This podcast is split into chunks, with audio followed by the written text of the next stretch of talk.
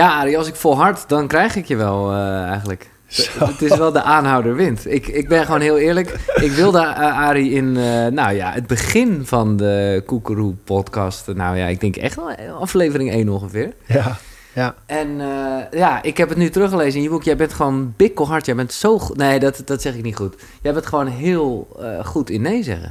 Ja, alleen weet je, ehm, het grappige is dat ik natuurlijk helemaal jouw pad volg. En, eh, en, maar en met heel veel plezier. Ah. Dus dat ik wel meteen dacht toen jij het vroeg, nou, het lijkt me heel leuk om wel met jou in gesprek te gaan. Eh, je bent met al jouw ervaring natuurlijk meteen goed daarin, podcasten. En ik vond gewoon waar je mee bezig bent, die hele ja, Nou, zelfoptimalisatiehoek. Ik om ben het natuurlijk wel een beetje noemen. fout begonnen. Of althans, eh, en, eh, ik heb eerst nog eventjes bij jou meegelopen met Het was te Brian. vroeg. Dat was te vroeg, dat klopt.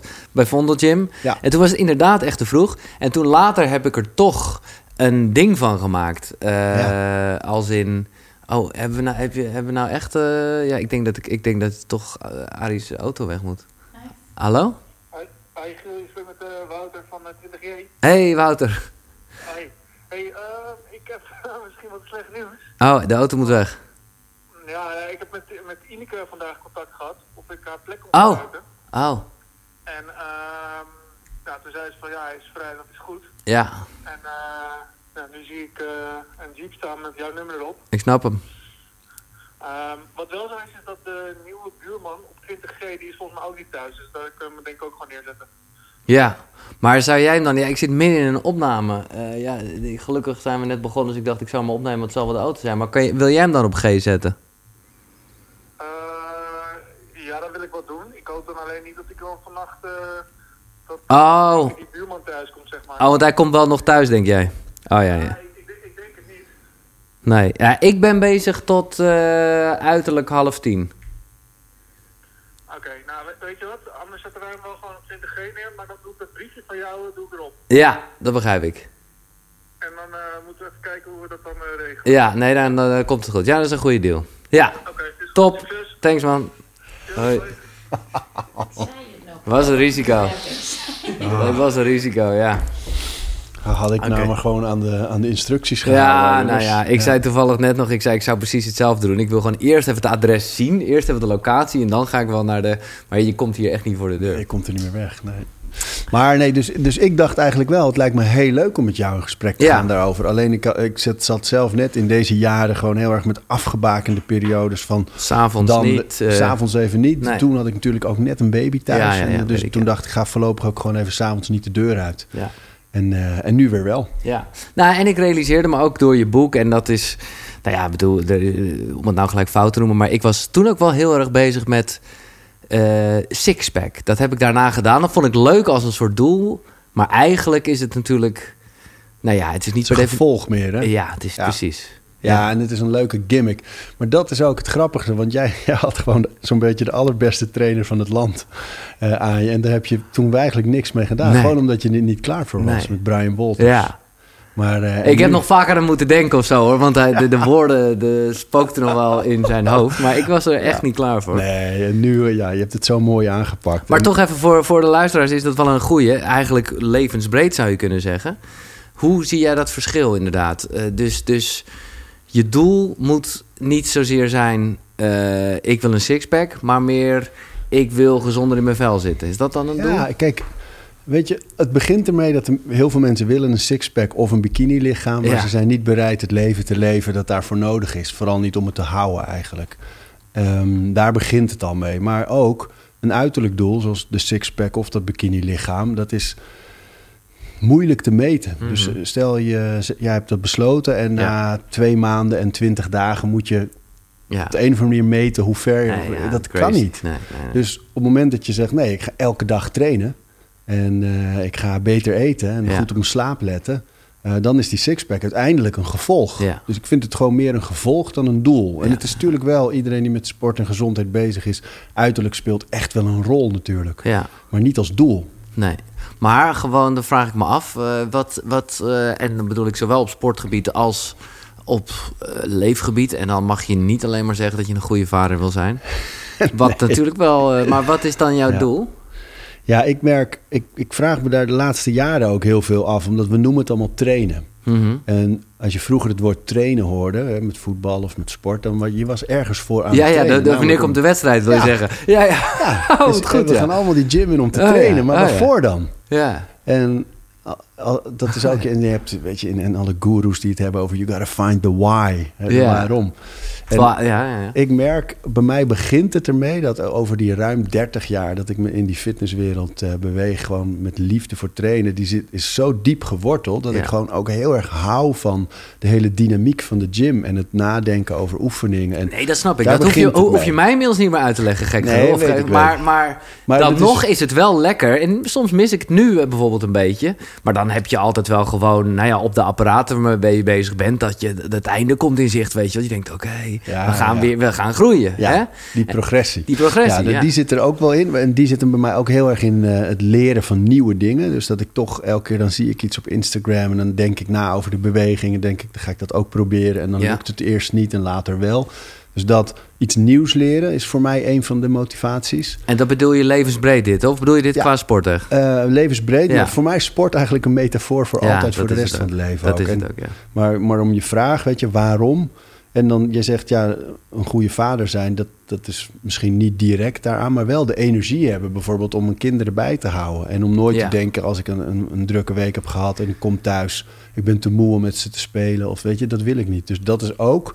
En ik ben eh, nu 46 en ik vind het ook Oh, belangrijk 50 is om- coming, hè? Ja, ja, ja, om, gewoon gezond en sterk ouder te worden, weet je, zonder pijntjes of zonder dingetjes. En eh, dus al die dingen bij elkaar vormen voor mij al de reden. Ja, en ik vind het ook leuk dat ik ongeacht de leeftijd altijd nog weer ergens beter in kan worden. Ja. Dat hele gevoel vind ik ook zo eh, mooi aan het trainen. En heb jij dan. Dit is even, maar eh, dat vraag ik me echt af bij jou. Eh, Als het echt gaat over in de sportschool, heb je daar nog inderdaad, voor mijn gevoel, heb je ongeveer elk apparaat uitgespeeld? ja, jawel. Ja. Het gaat bij mij niet om eh, dat ik dan denk van... oh, ik moet eh 300 kilo deadliften of 200 kilo squatten. Of eh, zoals Tim Hofman is nu Nee, ja, ja, ja. bezig. Hè? Die squat gewoon bijna 200 kilo. Ja. Dat is echt fantastisch. Maar dat is, bij mij is het, eh, het aantal kilo's niet het doel van wat ik doe. Sterker nog, ik doe eigenlijk nooit max. Of, eh, nee, nee, ik vind het leuk. Ja, maar dat vind ik wel echt, dat, dat, dat, dat vind ik tof. Dat vind ik zelf. En ik denk ook mensen die elke keer naar de sportschool gaan. Maar dat heb ik ook. Maar je hebt toch wel die hele schema's? packdeck. Ja. Ja. Nou, mijn schema bestaat eigenlijk uit... Ik, eh, als ik de week in zeven dagen neem... dan eh ik heb bijvoorbeeld nooit meer dan twee ijzerdagen achter elkaar. Dus stel, vandaag heb ik bijvoorbeeld schouders en, en borst... eh, en wat benen gedaan. Dan zal morgen de focus op die benen liggen meer. Dus de ene dag... Ik beslis eigenlijk alleen maar helemaal nu in de coronaperiode... Mhm. dat alles natuurlijk ja, druk en vol is Ja. in de gym. Dus ik pak een half uurtje hier en drie kwartier daar. En dan kies ik alleen maar... de focus ligt op benen. De focus Ja. ligt op eh, bovenkant borst. Of de focus ligt op bovenkant rug. Focus ligt op conditie. Focus ligt op mobiliteit of, of eh, yoga. Ja. En dat is het enige wat ik kies. En dan de oefeningen of de les, die wordt op de dag zelf pas ingevuld. En kijk ook een beetje waar is de ruimte nu in de gym. Dus dan weet ik, vandaag moet ik benen doen. Maar eh, de CrossFit les zit in, zit in de squat racks. Ja, ja, ja, ja. Dus dan ga ik eh, leg pressen of dan ga ik bodyweight doen of eh box jumps. Weet je, zo doe ik het eigenlijk nu, deze periode. Voor de mensen die niks met sport hebben, we Oh, gaan het straks ook over andere dingen hebben hoor. Maar ik, dan, dan, ik heb hier toch wel wat vragen over. ook omdat ik je daar echt, nou, ik vind je daar wel bijna extreem in in het boek. En ik snap, want dan, vind je, dan zeg jij dus bijna wat je nu ook zegt: van hè, elke dag een ander deel, dat is goed. Drie dagen per, per week is al een beetje moi.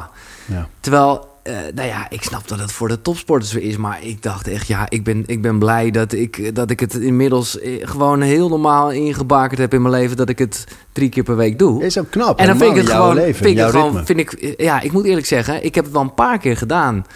Dat je dan één onderdeel traint. Maar ik vind de referentie gewoon zo ver te zoeken op een gegeven moment. Omdat dan gewoon, dan is je rug naar de kloten. Of dan zijn je benen naar de kloten. Ik vind het gewoon heerlijk om zo full body. Eh, ja, dat doe ik dan liever drie keer per week. Want dan weet ik, alles is aangetikt. En natuurlijk liggen er soms wel wat accentjes. Maar dan heb je het gewoon allemaal even zo bewogen. Ja, maar dat is ook goed. Kijk, ik denk als ik het altijd heb over elke dag, dan bedoel ik meer, het is makkelijker om iets elke dag te doen dan Ja, een paar gewoon- keer in de week. Ja, maar dan ja, heb ik het gewoon over bewegen. Dus er kan ook een wandeling bij zitten, of precies. roeien. Of, Ja. Of yoga Ja. dag, weet je wel. Dus en daar heb je gelijk in. Het maakt het wel makkelijker voor, je, voor jezelf om het op te nemen in je... Ja, In je- dat is het meer. Want die maandag, woensdag, weekendsporters, weet je, ja, ben je woensdag een beetje verkouden. dat ga is dus precies mijn schema, zie je wel. dus daarom dat, dat zeg je nu weer. En daar had je me echt mee. Ik denk, ja, wat gaan we nou krijgen, het tot een maandag, woensdag, Nee man, ik ben echt goed? trots op jou. Ja. Hoe jij het opgepakt hebt en hoe regelmatig je bent... en hoe je diep je in de materie zit. Ja, oké, maar... de, de bug, weet je wel, daar hebben ze het altijd over. Het soort virus dat je toch ook... Ja. Dat heeft jou... Dat, vind heb ik absoluut, ja. ja. Maar ik Dus- ben wel maandag, woensdag, weekend. Ma- Maandag, woensdag, weekend warrior. ja, Ja, nee. maar weet je, als je dan die woensdag mist, weet je, Ja. dan ben je veel kwijt. Dus, Ja, ja, dus daarom denk Maar ik, dat gaat me ook niet gebeuren. nee hè? Nou ja, dan Nee. ben je goed bezig. Nee, dat gaat me echt niet gebeuren. Sterker nog, mocht dat onverhoopt wel gebeuren, ja, dan merk ik echt, en dan, dan weet ik ook echt van, oké, ik zit hier middenin. Ach, dan ben ik gewoon een beetje van slag. Dan ben ik, ben, zit ik ook gelijk niet lekker in mijn vel. En dan merk je ook hoe eh, bijna als een soort kaartenhuis dingen gewoon wel weer in elkaar eh, kunnen storten. Ja, ja. Want dan, ja, gek genoeg, ga ik dan ook minder goed eten. Eh, nou ja, ja, het zijn allemaal cirkels. Het is, ja, Ja, en ja, ja die, en het is heel lastig om... Je, je weet eigenlijk wel, iedereen heeft dat gevoel wel eens gehad... van je zit lekker in het trainen, je eet goed, je hebt goede energie... je slaapt lekker, weet je, dan zit je er fijn Bam, in. En ja. als die dan ook de andere kant op gaat... is het soms moeilijk om het momentum weer te keren. Ja, Ja. ja. dat heeft ook iedereen meegemaakt. Nou, jij, jij schrijft discipline is vrijheid. En dat vond ik zo, zo ervaar ik het ook echt. En ik denk dat iedereen in, in een soort schema dat wel zo ervaart. Ja, inderdaad. Je, je, sorry, ik zat even te denken, wat bedoel je eigenlijk? Corona, dat, dat eh, ja. Dat was voor mij, ik heb hier, ben hier thuis als een mal en dan je ziet daar nog een soort Ja, apparaat en zo. Ja, mooi man.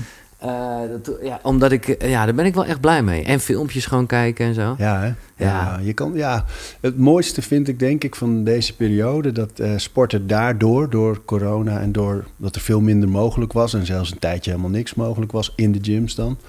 dat het ineens weer veel meer ging over gezond zijn... bewegen met plezier, creatief zijn, weerstand... Ja. in plaats van uiterlijk, sterk enzovoort. Weet je? Dat, Nou ja, en ik, ik bedoel, ik weet niet of je daar... Nou, ik mag aannemen door verschillende sportschoolhouders... eh, dat je daarvoor bedankt bent. Maar als, als klant zeg ik... Ja, wil ik je daar ook nog hartelijk voor bedanken. Leuk, ja. Ja. Nou, dat was een eer om eh, het woord te mogen voeren. Ja, dat begrijp ik. Maar ik, en, en het is ook wel natuurlijk een soort crazy iets. Zonder het nog de hele daar lang over te hebben hoor. Want ik vind het inmiddels ben ik gewoon een beetje klaar met het onderwerp. Zoals wij allemaal er klaar mee zijn. Maar er nou eenmaal hebben mee leren leven. Dat het gewoon zo gek is dat je er zo weinig over hoorde. Dat je nooit Rut hoorde zeggen. Ga een keer op tijd naar bed. Beweeg even wat meer. Ja, ja. eh, en eet is gezond. Dat is. Ik, ik, ik zag een meme op, eh, op Instagram laatst waar iemand zei: Het lukt ons om in een paar maanden tijd heel Nederland aan de mondkap te krijgen. En het lukt ons niet in al die jaren om heel Nederland aan gezond eten, Nee. goed bewegen, goed Nee. slapen, aandacht voor, voor het hoofd, voor depressies, voor weet je, al, die, al dat lukt niet. Op de een, omdat er geen, ja, er zit geen kracht achter. Dus mensen willen het wel, maar terwijl dat is ook, hè, Erik Scherder loopt het de hele tijd. Mm, de hersenman. die, ja, die pandemie, officiële pandemie vanaf 2012, door de World Health Organization eh, benoemd, bewegingstekort. Ja, ja, gaan ja. 5,3 miljoen mensen per jaar dood aan. Nou, dat moet corona nog maar zien te halen Ja, natuurlijk. ja. Ja. Wauw. Ja, Ja, dat, is wel schokkend, ja. ja. Eh, waarom volhard? Want dat gaat, eh, ik bedoel, sport is de leidraad, eh, omdat jij bent dat door en door. Maar ik denk dat het mooie is dat het gewoon gaat over het leven. En het Ja. gaat over volharden en discipline in alles wat je wil. ja. Wel, Hoe, hoe ben je hiervoor gaan zitten? Waarom? waar- want het is, het is, het is- ik ging even vertellen, het is je veertiende boek. ja. Dus dan wa- was er op een gegeven moment wel 14e. zoiets. Tenminste, dan hoop ik dat het niet zo was. Oh ja, we moeten weer even een boekje hebben. Nee, zo voelt nee. het ook niet hoor. Nee. Maar hoe, wat, wat was voor jou de basis dat je dacht: oké, hier moet ik over gaan schrijven? Nou, hiervoor zat een boek Fit. Ja. En eh, met eigenlijk in kleine stappen naar een gezonder leven was dat. En heel vaak merkte ik gewoon van... oké, dan, dan ben je daar misschien bezig met gezond leven en trainen enzovoort. Ja. Beweging, Maar- voeding, slaap, dat was eigenlijk. Ja, eh, Ja, de drie, de drie eenheid. Ja, Maar hoe hou je het vervolgens vol? En ook voor mezelf, omdat ik merkte dat, oké, trainen zit echt diep geworteld. Dat zal ik niet snel, dat zal niet snel ontsporen.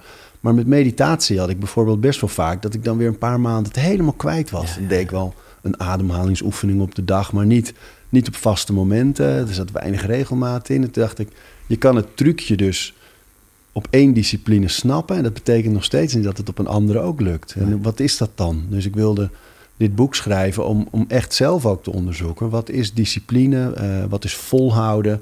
Wat zijn de elementen die daarbij komen kijken? En, en kun je het organiseren? Dus is het mogelijk om, je hebt dat doel, je hebt een, je hebt een uh, gewoontepatroon, een gedrag Ja. eigenlijk dat op dat doel gericht is.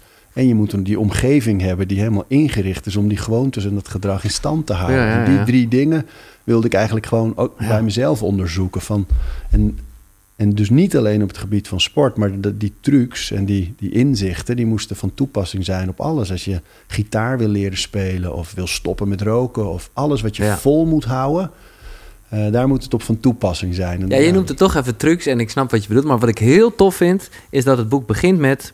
Het is niet de bedoeling dat je de tips en inzichten in het boek ziet als stappenplan naar succes of geluk.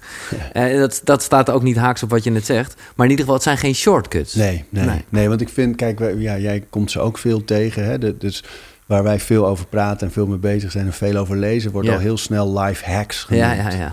eh, biohacks of wat Ja. dan ook. En ik vind het bij het idee hacken denk ik altijd aan eh, een, een- ja, de bocht afsnijden. En, en sneller bij een einddoel Mhm. komen dan eigenlijk de rest. Of, Ja. en daar geloof ik eerlijk gezegd niet zo in. Dus ik wilde ook dat het boek een subtitel kreeg. Want het is juist geduldig bouwen aan gezonde doelen. En, eh, Wat niet wegneemt, en daarom vond ik het ook leuk dat je het net wel voor trucs noemde, dat, nou ja, hè, die, die heeft eh, Biohacker wel degelijk als, eh, als naam, Casper van der Meulen die er Ja, onlangs zat, ja. die toch, jij haalt het ook nog even aan, bijvoorbeeld dat je bij het slapen je mond dicht tapet.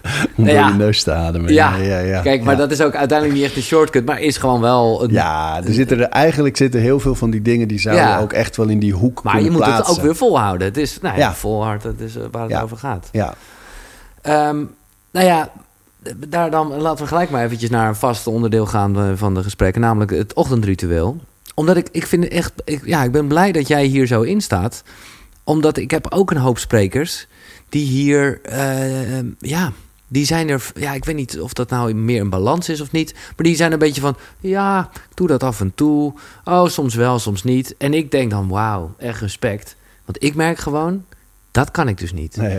Nee, Nee. ik moet gewoon, bam, daar mijn ochtendritueel. Nou, dat is een ochtenddiscipline. Dat is gewoon, daar moet ook geen lucht tussen zitten, want, Nee. want dan doe ik het niet. Maar dat heb jij dus eigenlijk ook, begrijp ik. ja, Oké. ja, totaal. Ja. Ja, Ik had laatst ehm, had ik een coach. Want ik hoorde ergens ook weer in een podcast dat iemand zei. eh, want ik dacht altijd een coach die schakel je in als je een beetje met de handen in het haar zit. Weet je, Mhm. Ik zie even geen uitweg en ik, ik wil sparren, bijna als therapie.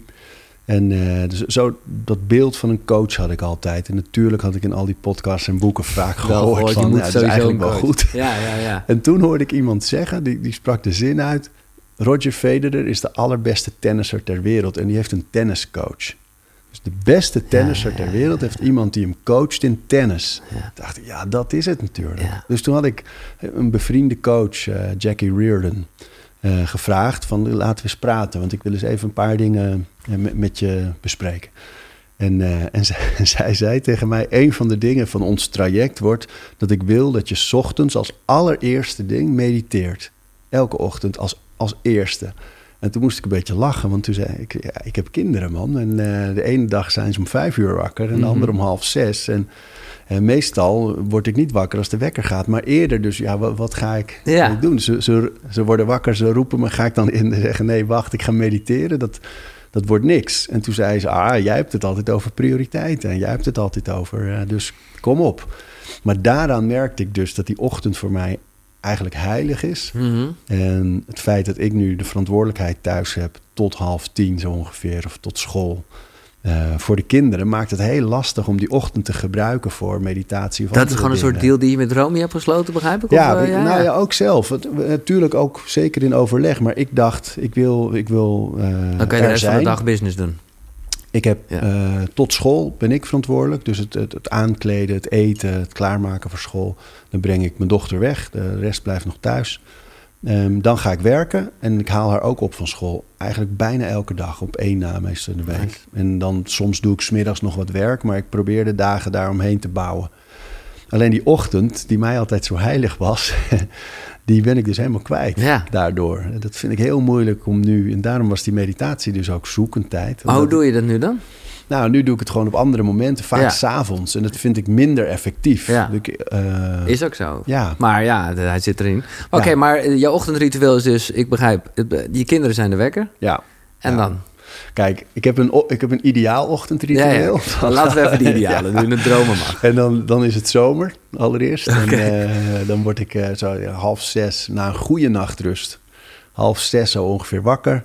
Naar buiten, zonlicht in mijn gezicht. Beetje bewegen. En eh, bewegen is dan gewoon echt heus niet sport of zo, maar misschien wat zonnegroet of een beetje Ja, precies. Gewoon een even beetje- alles voelen. Ja, ja. het liefst in het gras, blote Ja, voeten. ja, gewoon voelen en, en dan stilte, ademen.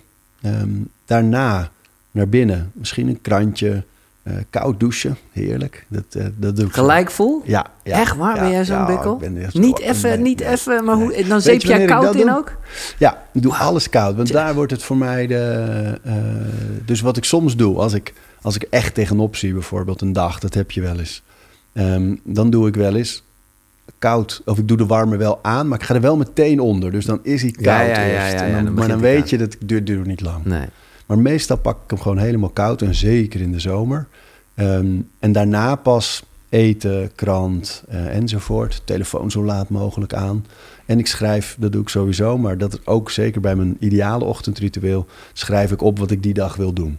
Een paar dingetjes, niet alles. Ik maak niet een hele lijst, maar ik zet een paar dingen van dit wil ik vandaag echt graag Ja, doen. ja, ja. En daar zorg ik dan voor een evenwicht tussen dingen die echt ja, voor mezelf zijn en dingen die moeten. Maar is het in de categorie... eh, ik moet nog eventjes naar de schoenmaker mijn schoenen brengen? Of is het in de categorie... ik wil eh, iets...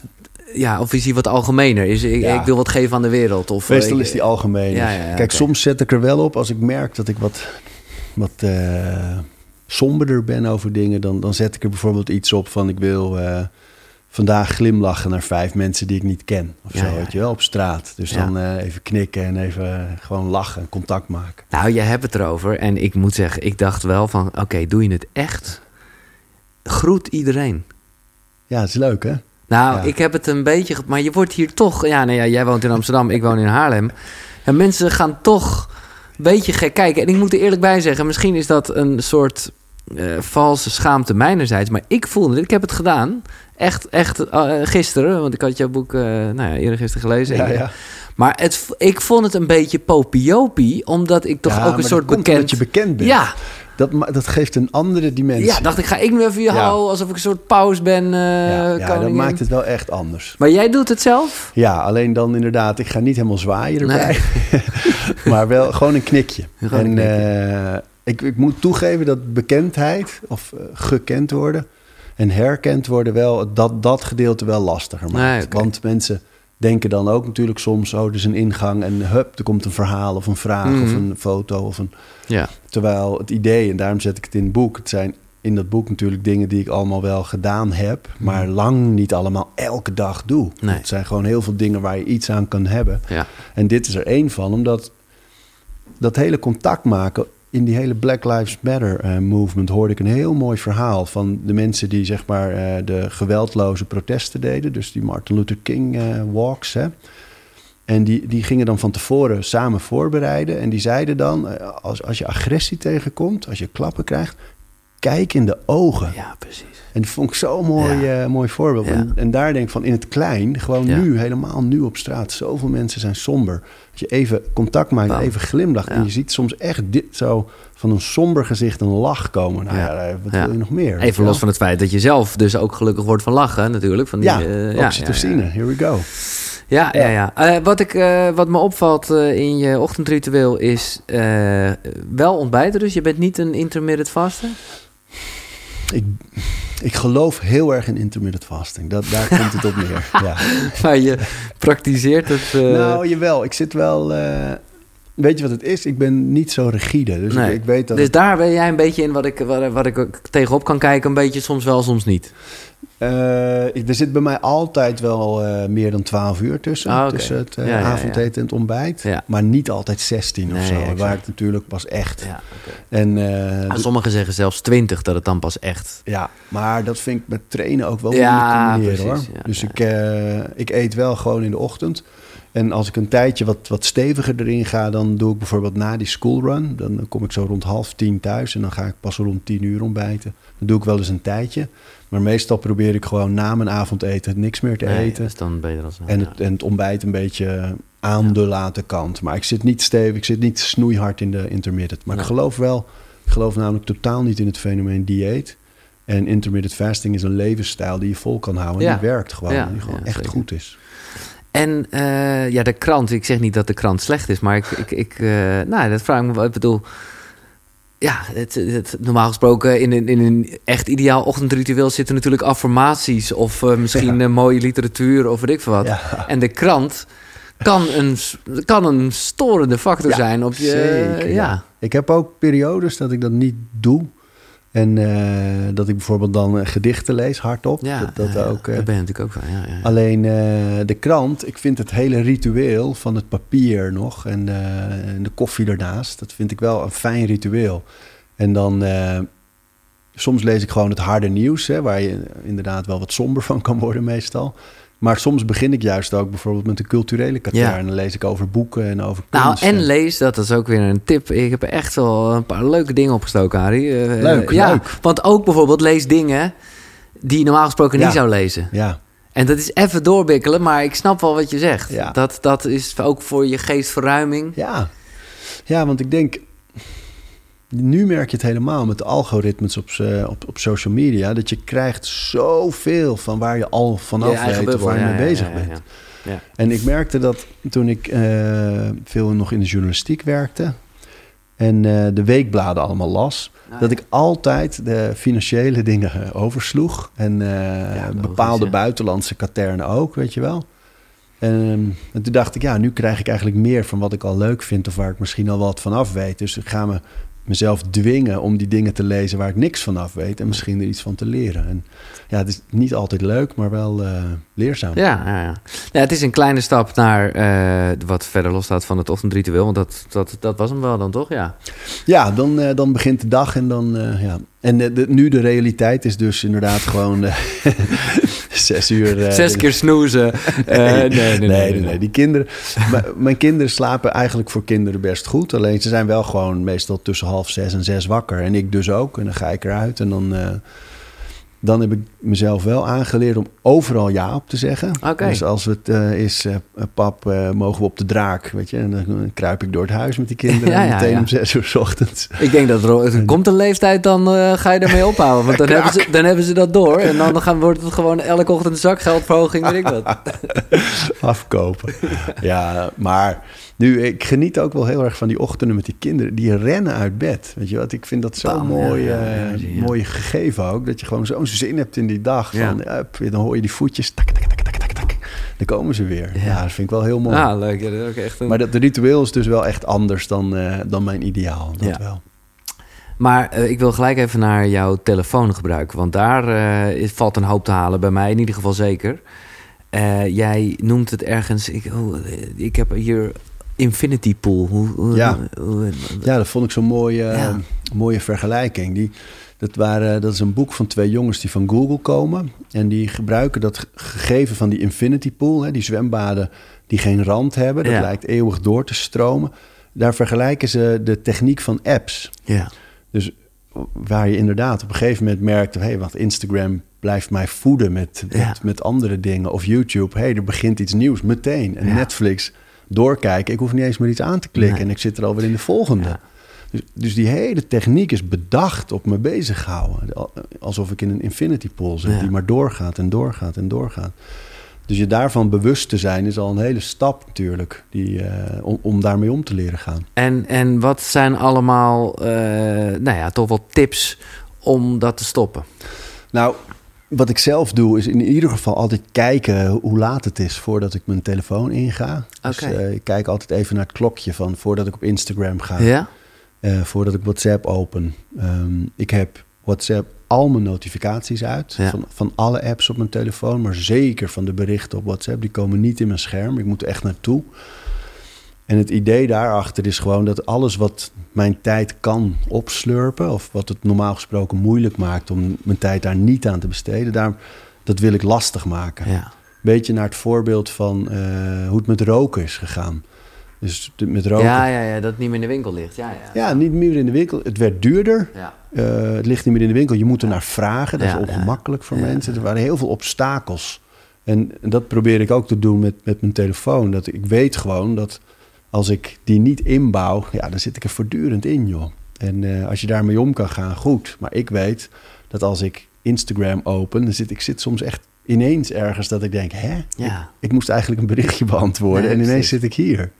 En daar wil ik me van bewust zijn. Dus is ook helemaal geen gek idee om sommige apps gewoon van je telefoon te gooien een tijdje. Of, eh, Maar ik zit even, hoe doe je dat dan met WhatsApp? Eh, die, jij kijkt dus gewoon zelf als je zin hebt. Ja. ja, ja. ja, als ik zin heb, ik heb wel een paar momenten op de dag dat ik het doe. Ja, oké. En ehm, dus wat ik doe, er komt niks binnen in het scherm. Dus als ik mijn telefoon pak om bijvoorbeeld te kijken hoe laat het is, Mhm. dan zie ik niet bericht van die, bericht van Nee, die. nee, ik moet echt naar WhatsApp toe. Ja. En dat scheelt al heel ja, veel. Ja, ja, En, eh, en ook omdat het ook een beetje de gedachte is van... eh, ik wil dat ik het op mijn tijd doe. Die, eh, ik heb in het boek een voorbeeld van, van Ben Bergeron... die bij iemand, dat is een, eh, een, een crossfit coach... die ging bij een vriend eten en die zat daar aan tafel... en dat hele gezin zat aan tafel... Oh, en ja. de telefoon ging en ehm, niemand reageerde... en hij werd een beetje ongerust. En dacht, hoorden ze het niet? Waarom doet niemand iets? En op een gegeven moment zegt hij het maar gewoon van...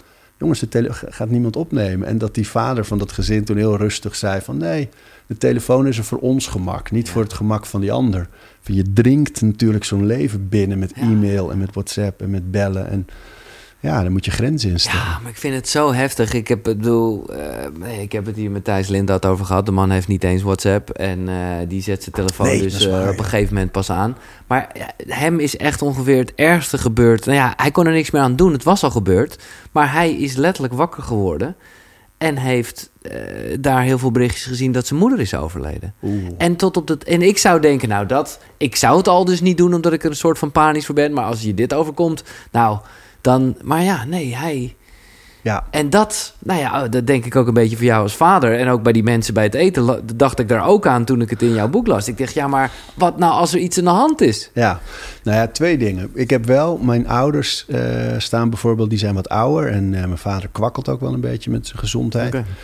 Eh, die staan wel in de favorieten. Dus die komen door mijn maandje heen, Oh ja, zeg die maar. komen Die, doorheen. Ja. Als ik hem in de slaapstand Ja, heb, dan komen zij er nog doorheen. En mijn vrouw ook. Ja, oké. Ehm, Ja, het en is- toch denk ik ook vaak...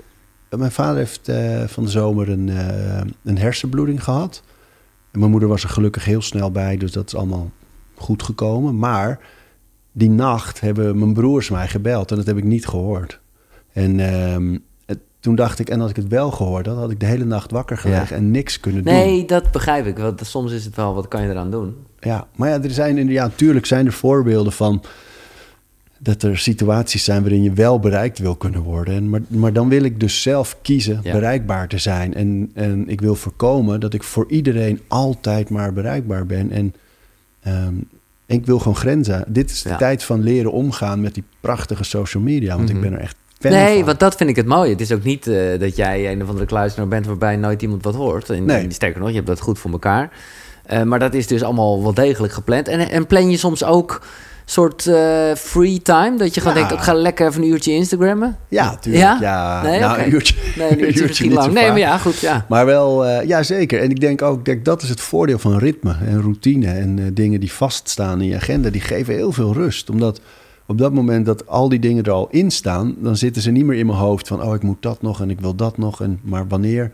Dus ik, ritme creëert juist de vrijheid voor impulsiviteit. Ja. En voor inderdaad dat je de ruimte hebt om even eh, te lanterfanten. Of, eh, of te denken, ze gaan, ga je mee daar naartoe? Ja, ga mee. Want, want ik weet dat al die andere dingen er al staan. Dus Ja, dat, is een leuke kronkel, hè? Dat kaders gewoon uiteindelijk heel veel ruimte geven. Ja, ja, ja. Die Marty Heiber, die filosoof, eh, heeft een heel mooi boek geschreven over ritme. eh, over het belang van een terugkerende tijd. En die vergelijkt het met een drummer. Die elke keer, hij houdt de maat. Ja, Maar daartussen kan die flink Ja, variëren. ja, of dat jij, als je van Haarlem naar Hilversum rijdt... Eh, dat kan natuurlijk elke keer via dezelfde route. Maar je kan, ik denk dat je wel tien routes kunt nemen. klopt. En het is hetzelfde stuk. Elke dag. ja, Dus, dus binnen ritme zit gewoon heel veel ruimte. ja. Ja, ja, ja. Eh, jij noemde net eh, familie, dus ik dacht laat ik daar gelijk eventjes in doorhaken. Ik vind het best wel... eh, nou, oké, laat ik de vraag iets opener stellen, want anders ga ik gelijk mijn mening geven. Jij hebt het over je broers in Ja. eh, het boek. En eh, jouw broers Nou, nou ja, ik, wilde, ik wil eigenlijk niks over zeggen. Ik ben benieuwd hoe je het nu zegt. Wat is er met jouw broers? Twee van mijn broers zijn verslaafd, maar allebei negen jaar nuchter. Ehm, ik heb nog een broer, een oudere broer en ook nog een zusje. We zijn ook wel eens met z'n allen bij Weet jou ik, ja. Nee, ja geweest. ik, 3FM het is leuk nog. dat je nog herinnert. Ja, dat was zeker, dat was eh, echt heel leuk. Ja, vond ik ook heel Toen. leuk. ja. En, eh, maar ja, die, die zijn allebei verslaafd. En die gebruik ik in het boek een paar keer als voorbeeld, omdat ik ze heel erg bewonder. Ja, En, eh, en ook omdat we allemaal van eh, verslaving en, en de structuur die je daaruit houdt, kunnen leren. Van wat ik bijvoorbeeld heel mooi vind en heel relevant nu ook in de coronatijd. Van een verslaafde denkt niet, ik ga de rest van mijn leven nooit meer gebruiken of nooit meer drinken. Die, die denkt, ik, vandaag drink ik niet. ja. En dat vind ik zo'n mooi eh, voorbeeld voor ons nu in deze periode. Dat we weten niet hoe lang dit nog duurt. Maar vandaag is voor Mm. mij te overzien. Maar ik vind het ergens toch ook, en het is maar net hoe je, hoe je het licht erop werpt, maar ik vind het ook een soort beperkende gedachte. Dat je dus altijd maar blijft hangen, een beetje. Ik weet niet hoe je broers er zelf in staan, maar jij, daarom wilde ik deze vraag zo open mogelijk stellen. Jij noemt ze inderdaad wederom verslaafd, terwijl ze al zo lang niet gebruikt hebben. Ja. Ik weet, nou ja, iemand die er bijvoorbeeld heel anders over denkt, die ik hoog heb zitten, is Jan Geurts.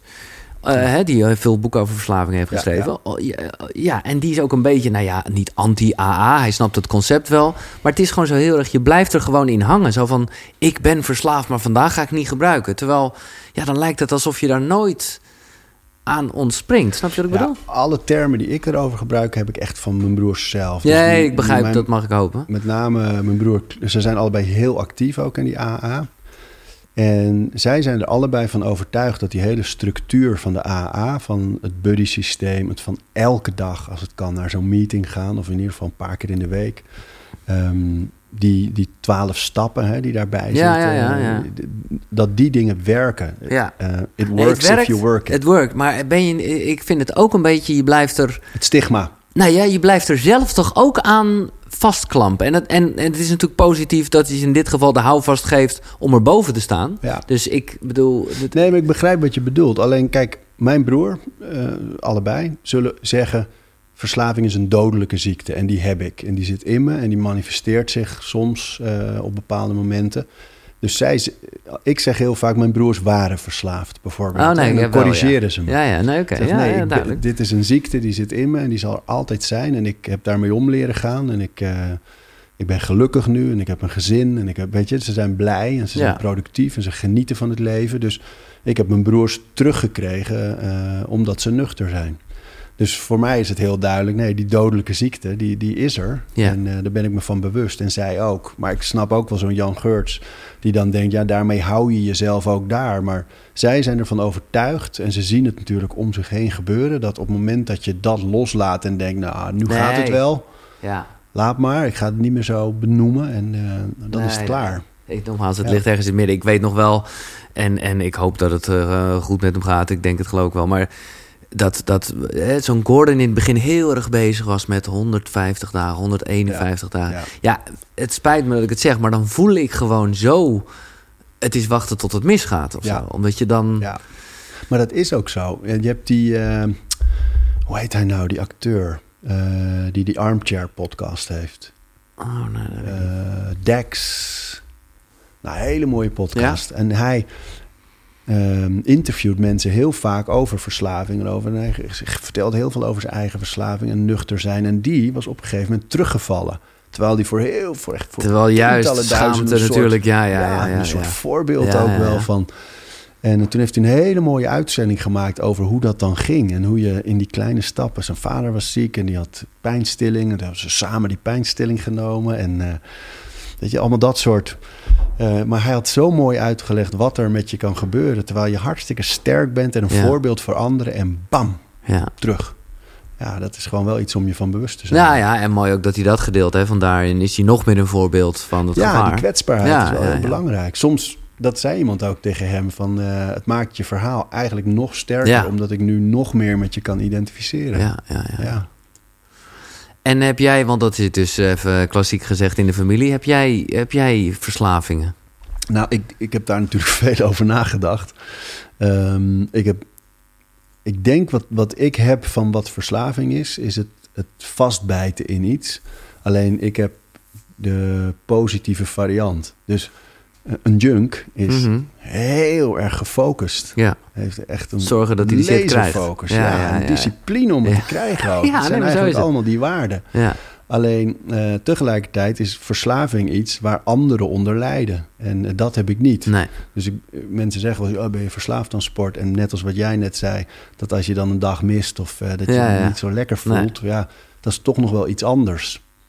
En eh, dus ik heb wel die, die, die, dat monomane, die laserfocus op wat ik graag wil Ja. en, en de Ja, ja, discipline om daar achteraan te gaan.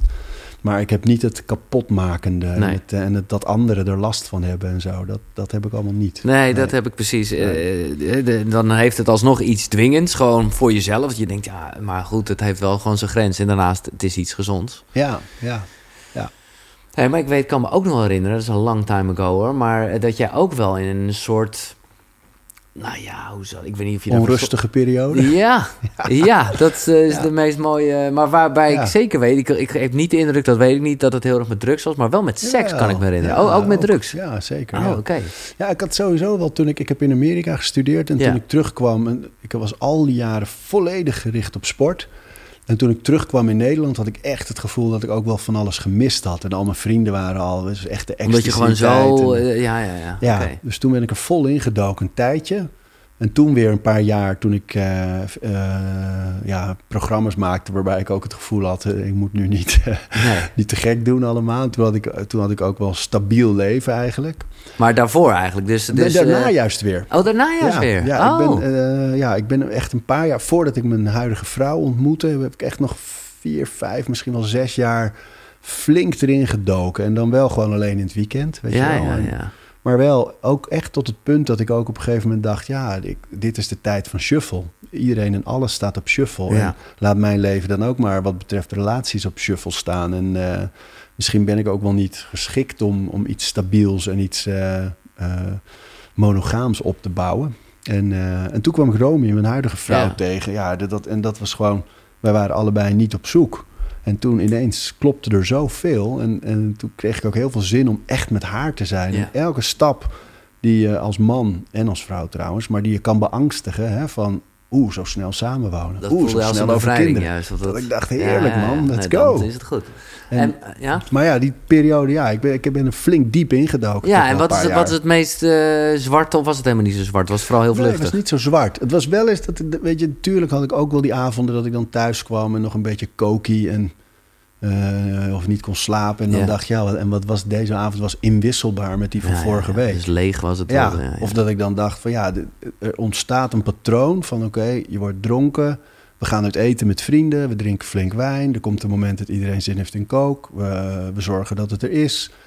Ehm, daarna ga je naar een club of, een, of een, eh, iets dat nog open is. Ja. Eh, daar- daarna ga je op jacht eigenlijk. Ja. Daarna verover je een prooi. Ja. Daar ga je mee naar huis of ze gaan met jou mee naar huis.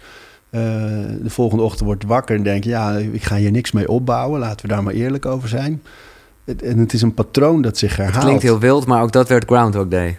Ja, maar weet je, en dat vond ik denk ik wel een van de meest leerzame dingen. Dat ik denk ook dat hoe langer je in dat leven blijft... hoe moeilijker het wordt weer iets stabiels op te bouwen. En iets eh, duurzaams. Omdat je zo gewend raakt aan, aan die shufflestand ook Ja, daarin. ja. En aan die patronen. Dat, ik heb nog steeds wel eens... Als ik ergens zo'n wc in een, eh, in een, een horeca-etablissement Ja, inloop... en je ruikt die, eh, dat spul dat ze gebruiken... een Dettol-achtige wc-schoonmaakdingetjes... Als een Pavlov. Ja, eh, man. ja? Dat ik denk, oh ja, dan stond je hier en dan, hup, nik, nik. Ja, niet dat ik er dan zin in heb, Nee. maar wel die associatie. En dat is ook, ja, een goede fles witte wijn. En dan eh, kan altijd wel die gedachte wel opkomen. En ik denk dat daar, dat is het verschil, denk ik, ook tussen iemand die verslaafd is en die het niet is. Dat ik kan dan zeggen, nee, ja, dat gaan we natuurlijk niet nu doen. Nee, Eh, en een verslaafde niet. nee. En drink je nog wel eens? Ja, Ja, ik ja. hou heel erg van wijn. Ja, precies. Dus eh, ik eh, woon nu in Apkoude en ik fiets regelmatig naar de Lindenhof bij Baanbrugge. Dan haal ik echt een hele mooie Montepulciano of een, of, ja, of een Meursault. Of weet je, gewoon Och. echt, echt mooie wijnen. Ik vind wel, met alcohol al helemaal, het moet wel een mooi product zijn. Ja, precies. Dus dan geniet je ervan. En eigenlijk, ik heb het weer van jou geleerd, moet je die dan smiddags drinken. Ja, man. Ja, Jij al helemaal. Ja, En helemaal na deze ja. weken, geloof ik. Ja, daar gaan we het niet over hebben, kijk, nee, ja, nee, je mag overal hebben. Maar ik merk dus heel erg, nogmaals, ik waardeer heel erg van, ja, soms wel, soms niet. Ik ben in een fase dat ik gewoon heel rigide ben. Ik drink niet. Nee. En dat is gewoon overzichtelijk. En dan Ja. hoef ik ook niet. Ik geloof ook dat dat de enige weg is, hoor. Een beetje bestaat niet Nee, zo. maar ja, ik zou. Ik bedoel, als ik jou hoor over een Merceau, het water loopt in de mond. Want ik proef dat romige. eh, maar ik weet gewoon van ja, ik, eh, nu even niet. Ik hoop ooit wel. Ja. Maar laat me eerst maar eventjes gewoon even een paar jaar onwijs Ja, beter. Maar ik doe dat ook hoor. Ik doe af en toe ook echt soms maanden wel even helemaal niks. Nee. En dat vind ik ook heerlijk. Alleen eh, nu zit ik gewoon in, in een fase ook van mijn leven dat ik heel erg geniet van eh, juist zo'n goede wijn voor een lunch. En dan eh, gewoon lekker proeven, lekker smaken. Ik drink dan ook niet te veel. Ehm, en dan heb ik de rest van de dag. En dan kan ik zelfs s'avonds nog trainen, weet je. Ja, Dus geen, ja. Maar s'avonds drinken, dat heeft invloed op mijn slaap. Ja. En dat heeft invloed op de volgende ochtend. Ja. En de, de avond wordt ook altijd anders daardoor. Mm, En, maar eh, dat, dat, ik noem het maar even dat beest wat je net omschreef. nou, ja. nou ja, laat ik het zo zeggen. Ja, Het- dat is wel echt onrust. Ja, Ja, ja. Dat, dat, dat, daar, dat komt niet meer in je los dan. Ik heb die behoefte niet zo. Hooguit even de associatie, zoals je net zei, met, met een luchtje. Een, een soort reactie dat je denkt, oh nee, dat gaan we Ja, niet doen. maar ik heb dan, dat is dan niet het type Pavlov van... oh, nu, en nu moet ik, eh, weet je, Nee. nu moet ik los of zo. Nee, het, maar het is wel... Ik heb altijd wel een onrust in me. Alleen, eh, ik heb nu, merk ik, zoveel afleiding ook... en zoveel eh, focus en eh, stabiel gezinsleven... dat ik heb niet de behoefte nu aan... Ik mis bijvoorbeeld niet uitgaan of Nee. zo. Of ik- als vrienden hoor ik dan wel eens zeggen, juist ook met kinderen... dat ze denken, oh, ik zou wel weer eens lekker een los, avondje... ik heb dat ja. helemaal Nee, niet. Mijn vrouw en ik lachen ook wel eens dat we dan... Ik ben wel eens eh, heel vroeg op pad en dan zie je van die grimmige clubgezichten terugkomen. Ja, ja, ja, en denk ik, waarom zou je dat jezelf aandoen? man? Ja. Niet doen, joh. Nee. Niet doen. Maar ja, voor alles is een tijd. Ik heb er ook geen moment spijt van. Nee, precies. Dat nee, is weer het geen andere kant. moment. Heerlijk. Hè. En ik, eh, ik zie ook echt de romantiek in van met vrienden op die manier een tijdje leven. Dat is helemaal niet erg. Twee tools die ik even wil noemen, die jij mooi omschrijft in uh, Volhard. Eh, ankeren. Ja, ja. Kan je het een beetje uitleggen? Ja, ankeren is eigenlijk in een, is echt een term uit de, uit de sociologie. Ehm, dat je de toon bepaalt. Bijvoorbeeld in een vriendengroep. Je zit met z'n allen in een restaurant op het moment dat dat weer kan. En uh, je kent allemaal dat moment dat de ene, de eerste persoon zegt... ja, geef mij maar die big-ass porterhouse steak... en een lekkere bak boerenfriet met mayonaise. En, en daarna regent het ik ook. Ja. Ik ook, ik ook. Doe mij ook maar. Ja, ja. Of met alcohol. Met drank wil het zeggen. Ja, natuurlijk. ja, ja. In je groepje, een wijntje dit en een bako dat... en een gin tonic. En uh, ja, zeg dan maar eens, eh, doe mij maar een water. Dan krijg je alle blikken. Terwijl de, de eerste die het zegt, die ankert. Dus Ja. die, die legt het schip vast. En uh, die, meestal beïnvloedt die de andere um, bestellingen. Ja. En dat is denk ik in een vriendengroep kan je heel positief ankeren door, uh, ja, door wel gewoon een wat meer gezonde maaltijd te bestellen. Ja, het gaat niet altijd op hoor, die vliegen. Nee, nee, nee, maar ik vind het een mooie. Kijk, ik moet wel eerlijk zeggen, en daarom eh, blijf ik voorlopig dus nog even vasthouden aan wat mijn rigide patroon, omdat dan zal ik alsnog op het einde water zeggen. En vind ik het gewoon voor de gezelligheid echt wel leuk dat mijn vrienden gewoon uh, aan het uh, wijn drinken zijn. Ja, maar als ik, hmm, zal ik het wel of niet doen? Ah, soms wel of niet. Ja, dan ben ik met je eens. Ja, maar de, en dat een, eigenlijk ook dat is een andere term paraplu-beslissing. Ja. Dus jij hebt al besloten, uh, ik drink deze periode niet. En dat geeft heel veel rust. Want jij hoeft niet elke keer... Ja, nu is het gek praten natuurlijk in deze coronaperiode. Ja, maar... maar jij hoeft niet anders elke keer dat je in een café staat... of in een restaurant zit weer te wikken en wegen. Ga ik vanavond wel nee, of niet? Nee, je hebt zo. al besloten. Ja. Is heel veel rust. Ja. En, en waar denk ik mensen vaak de fout in gaan als het over volhouden gaat... is dat ze dat niet besloten hebben... En elke keer weer die afweging. En dan komen er andere factoren. Want Ja. het is gezellig en ze kijken je aan. Ah, kom op nou. En ja, daar ga je. Uh, en dan de laatste term, zeker op dit gebied, maar ik vond dit allemaal heel veel kracht geven. Invite only. Ja. ja, dat vind ik op, als het over gezondheid gaat, over sport en over al die dingen die daarbij komen kijken, voeding, slaap enzovoort.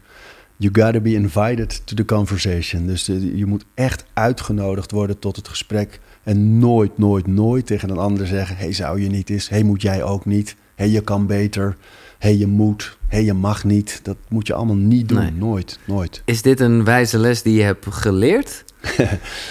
of is dat iets wat je altijd wel... Uh... Nou, is wel een tijd geweest toen ik jong was... dat als ik wilde basketballen, dan, uh, ja, dan probeerde ik wel iedereen te overtuigen dat ze mee Ja, oké, maar dat is wat anders. Dat is wat de anders. laatste jaren niet. Ik heb ik ben me er heel erg van bewust dat, uh, dat het zo niet werkt. Nee. En dat een ander. Nee, maar tegelijkertijd, ik vind het lastig. En ik denk ook wel dat er bijvoorbeeld een verschil in zit tussen, nou ja, familie en, en echt goede vrienden. Of gewoon zomaar random iemand. Maar ik merk wel met, met, met de kennis die ik hier in de koekeroe-gesprekken opdoe. Ja, dan ben ik bij mijn moeder. En dan denk ik, ja, dan. En, en ik, ik, ik ben er ook een beetje mee opgehouden. Want ik, dan ga ik er weer een boektip geven. Of ik zeg gewoon even: mam, adem even. Maar het is natuurlijk wel dat, is, dat vind ik het moeilijk. Het is, het is wel vanuit liefde, weet je wel. Het is niet zozeer dat je het heel erg als Mr. Wise Guy zegt. Ja, zo, komt het, zo kan het overkomen. Je hoeft maar één ding te denken. Jehovah's getuigen. Ja. Ja, daar ben je heel pittig over. Ja, maar dit is precies het betoog namelijk. Ja. Van nee, maar uh, ik geloof dit en ik wil zo graag dat jij ook. Want dan ben je gered voor de eeuwigheid. En dan kom nou, kom maar. En dat is gewoon niet hoe het werkt. Nee. Je, iemand moet altijd op eigen konto uh, die stap zetten. En ik herken het heel erg, van, helemaal bij ouders. En mijn moeder is wel altijd heel gezond geweest, goed gegeten, goed bewogen altijd. En mijn vader minder. En dan, dan wil je gewoon dat je denkt, ja, maar doe dit met je voeding. Of doe dit met ja, je... Ja, ja. Dan gaat het weer, weet je, ik wil je ook houden ja. in mijn leven. Dus, maar eh, toch niet doen. Ik denk wel, ik kan me voorstellen dat mensen in jouw omgeving nu denken... wow, hoe houdt hij het vol en wat leuk en hij zit er diep in. Ja, laten we maar vragen. Ja. En dan vraag ik er nou, want ik zie enthousiasme en ik zie dat het werkt. En dat is natuurlijk het, gewoon... Dat is het beste ver. Ja, ja. Nee, dat klopt. Maar nooit, ja, het gaat zo vaak mis. En ik noem het vegangelisme, weet je. De, de, de vegans natuurlijk, die af en toe... Terwijl ik heel erg geloof in die levensstijl. Maar sommige mensen gaan te hard in het Ja. veroordelen van iedereen die er net even Ja. anders over denkt. En, Maar waarmee ze zich ook bijna afzetten. eh, en, en dat... eh, hè, Ja. ja. Ja, het is, en nu op de een of andere manier staat het ook deze periode allemaal nog meer op scherp. Dat alles wat je roept nu op social media, er zijn altijd mensen die er dan weer net anders over denken. En die voelen zich dan niet vertegenwoordigd. En die gaan dan. Weet je wel, dus je, je kan dat spel ook nooit winnen. Dus Nee. ja, eigen koers houden en enthousiast zijn. En dat, dat van die Jehovah's vind ik toch wel opvallend. Want eh, is dat, eh, wat vindt je vader de dominee ervan? Of is die ook altijd tegen Jehovah's geweest? Ja, ja, nee, ja de, bij mijn vader is protestant dominee. Dus eh, de- die staan wel op enige spanning met de Jehovah's. ja, ja, dus dat ja. is altijd... Maar het is wel, ja, ook in die protestantse kerk is het hele fenomeen evangeliseren en anderen bekeren, dat is natuurlijk wel een thema. En ik geloof daar niet in. Mijn vader wel, die, eh, ja. Dus die is wel iets meer de dominee eh, daarin dan ik, ja. Ja. Maar wel ook, ik, ik vind het heel mooi om te zien hoe mijn ouders over de jaren zijn meebewogen met, met de rest van de wereld. En altijd heel erg open en welkom eh, zijn geweest tegenover iedereen die anders denkt en leeft. Dat, dat is wel echt een. ja, nee, maar dat hoort toch ook heel erg bij het geloof? tenminste, Ja, alleen in het, dat- gaat natuurlijk vaak fout. Dat, nou ja, kijk maar naar Amerika Ja. nu bijvoorbeeld. Weet Ja, je wel? Het is allemaal vrij hard over bepaalde thema's en, eh, en veroordeling. En. Dus nee, ik vind wel, mijn ouders, mijn moeder nam wel eens een zwerver in huis een, paar weken van de straat. Of, of iemand die net uit de jeugdgevangenis kwam, die dan een tijdje bij ons woonde. En is wel altijd zonder oordeel en open naar de rest van de wereld, maar wel zelf heel erg met dat geloof. Dat Mhm. wel. En nou ja, maar goed, het is ook niet dat jij daar verre van bent. Ik bedoel, Nee, nee, eh, nee. Maar het lijkt me wel moeilijk. En dat, nou ja, daar begonnen we het gesprek een beetje mee. Ik, ik je hebt me echt ook geïnspireerd door nee te zeggen. En omdat ik ook voelde dat het gewoon niks persoonlijks was, maar het heel erg lag aan dat jij gewoon als vader thuis wilde zijn. Als je jou e-mailt, krijg je in één keer een Ja. automatische Ja. response. In principe ga ik niet antwoorden. Ja. Eh, maar dat. En het gaat hand in hand hoor, ik voel het. Maar ik vind het een dunne scheidslijn met de zwerver eh, hè, in je huis nemen. En eh, snap, snap je wat ik Ja, ja, ja, ja.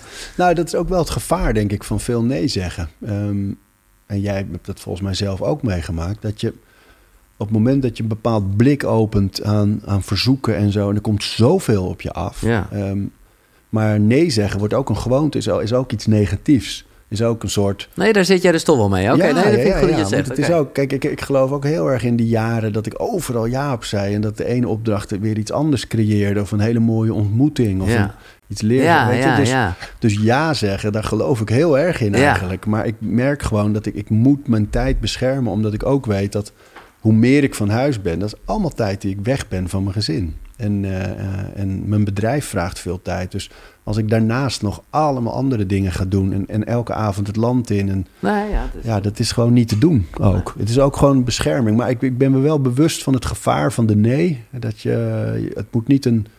Nou ja, zoals je met neurologische verbindingen aan alles eh, kan wennen. eh, klagen, en nee Ja, zeggen. ja, het zijn allemaal precies. hele negatieve dingen die, ook, die kunnen ontstaan. je wil openstaan Ja. voor alles en iedereen. Wagenwijd. Ja. ja, maar dat kan gewoon niet. Nee. Heb ik geleerd. En dat is wel echt met vallen en opstaan gegaan. dat ik heb echt ja, toch altijd wel van nature een, een ja-zegger en een people pleaser ook wel. Ja, exact man. Ja, dus eh, voor mij was het heel moeilijk, maar ook heel waardevol om, eh, om nee te leren zeggen. Ja. En eh, wat zijn zo de laatste dingen waar je, of is dat echt elke dag anders? De- Een, een gouden tip weer. Ik denk dat we allemaal, dus al vaker te sprake gekomen, hè, de, de- je dankbaarheid uit en misschien zelfs een tikkeltje geforceerd drie dingen opschrijven s'avonds. Maar goed, daarmee train je ook Ja, wel je ja. dankbaarheid. Ja. Jij voegt daar nog aan toe, of het ligt een beetje in de lijn van, verzoen voor het slapen gaan. Ja, ja. Waardoor je dus letterlijk. Het is me nog niet gebeurd, maar ik weet nu altijd binnen nu en twee weken of zo gaat me dit gebeuren. Dat ik ook denk: oh ja, hier zit ik nu mee en ik wil gaan slapen. Want jij zegt: gewoon even appen, bellen, ja, ja. we- afronden. afronden. Ja, ja, ja. Ja, daar geloof ik heel erg in. Ehm, zorg dat je niet gaat slapen op conflict eigenlijk. Omdat het in je hoofd zoveel ruimte opneemt en onrust is. Maar ook gewoon omdat het mooi is eh, om, om zoiets negatiefs in je leven eh, eruit te hebben. Ja. En om eh, iets goed te maken. En ook, ik bedoel niet dat je altijd maar de schuld op je hoeft te nemen. Als je bijvoorbeeld binnen je relatie even een beetje ruzie hebt. Je hoeft echt niet altijd te zeggen, het lag aan mij. Want het is gewoon niet altijd zo. maar je kan wel zeggen, het spijt me, ik ben er niet goed mee omgegaan. Nee. Weet je wel, dat is iets- al iets heel anders. Dan kun je nog altijd, als het om winnen zou gaan... zou je nog altijd ja. kunnen winnen eigenlijk, de strijd. Maar eh, wel om eh, niet met een conflict te gaan slapen. Ik geloof heel erg, die nachtrust is verwerking van alle prikkels van de dag... en alle gedachten. En Ja. op het moment dat dat negatieve gedachten zijn... en conflicten en ruzie en zorgen en eh, dingen waar je angstig voor bent... ja, dat, dat is gewoon wat je voedt in de rest van je, je da- volgende dag ook. Maar het is ook echt iets wat regelmatig aan de hand is. Dat je inderdaad s'avonds even een berichtje stuurt. Of ja, een, ik, ja, natuurlijk. eh, Ik heb een bedrijf waar heel veel mensen werken inmiddels. En, eh, en ik heb partners waarmee ik samenwerk. En ik heb... eh, ja, er zitten toch wel veel, veel mensen in mijn leven... waar ik af en toe eens een beetje mee oneens ben. Of Ja. andersom.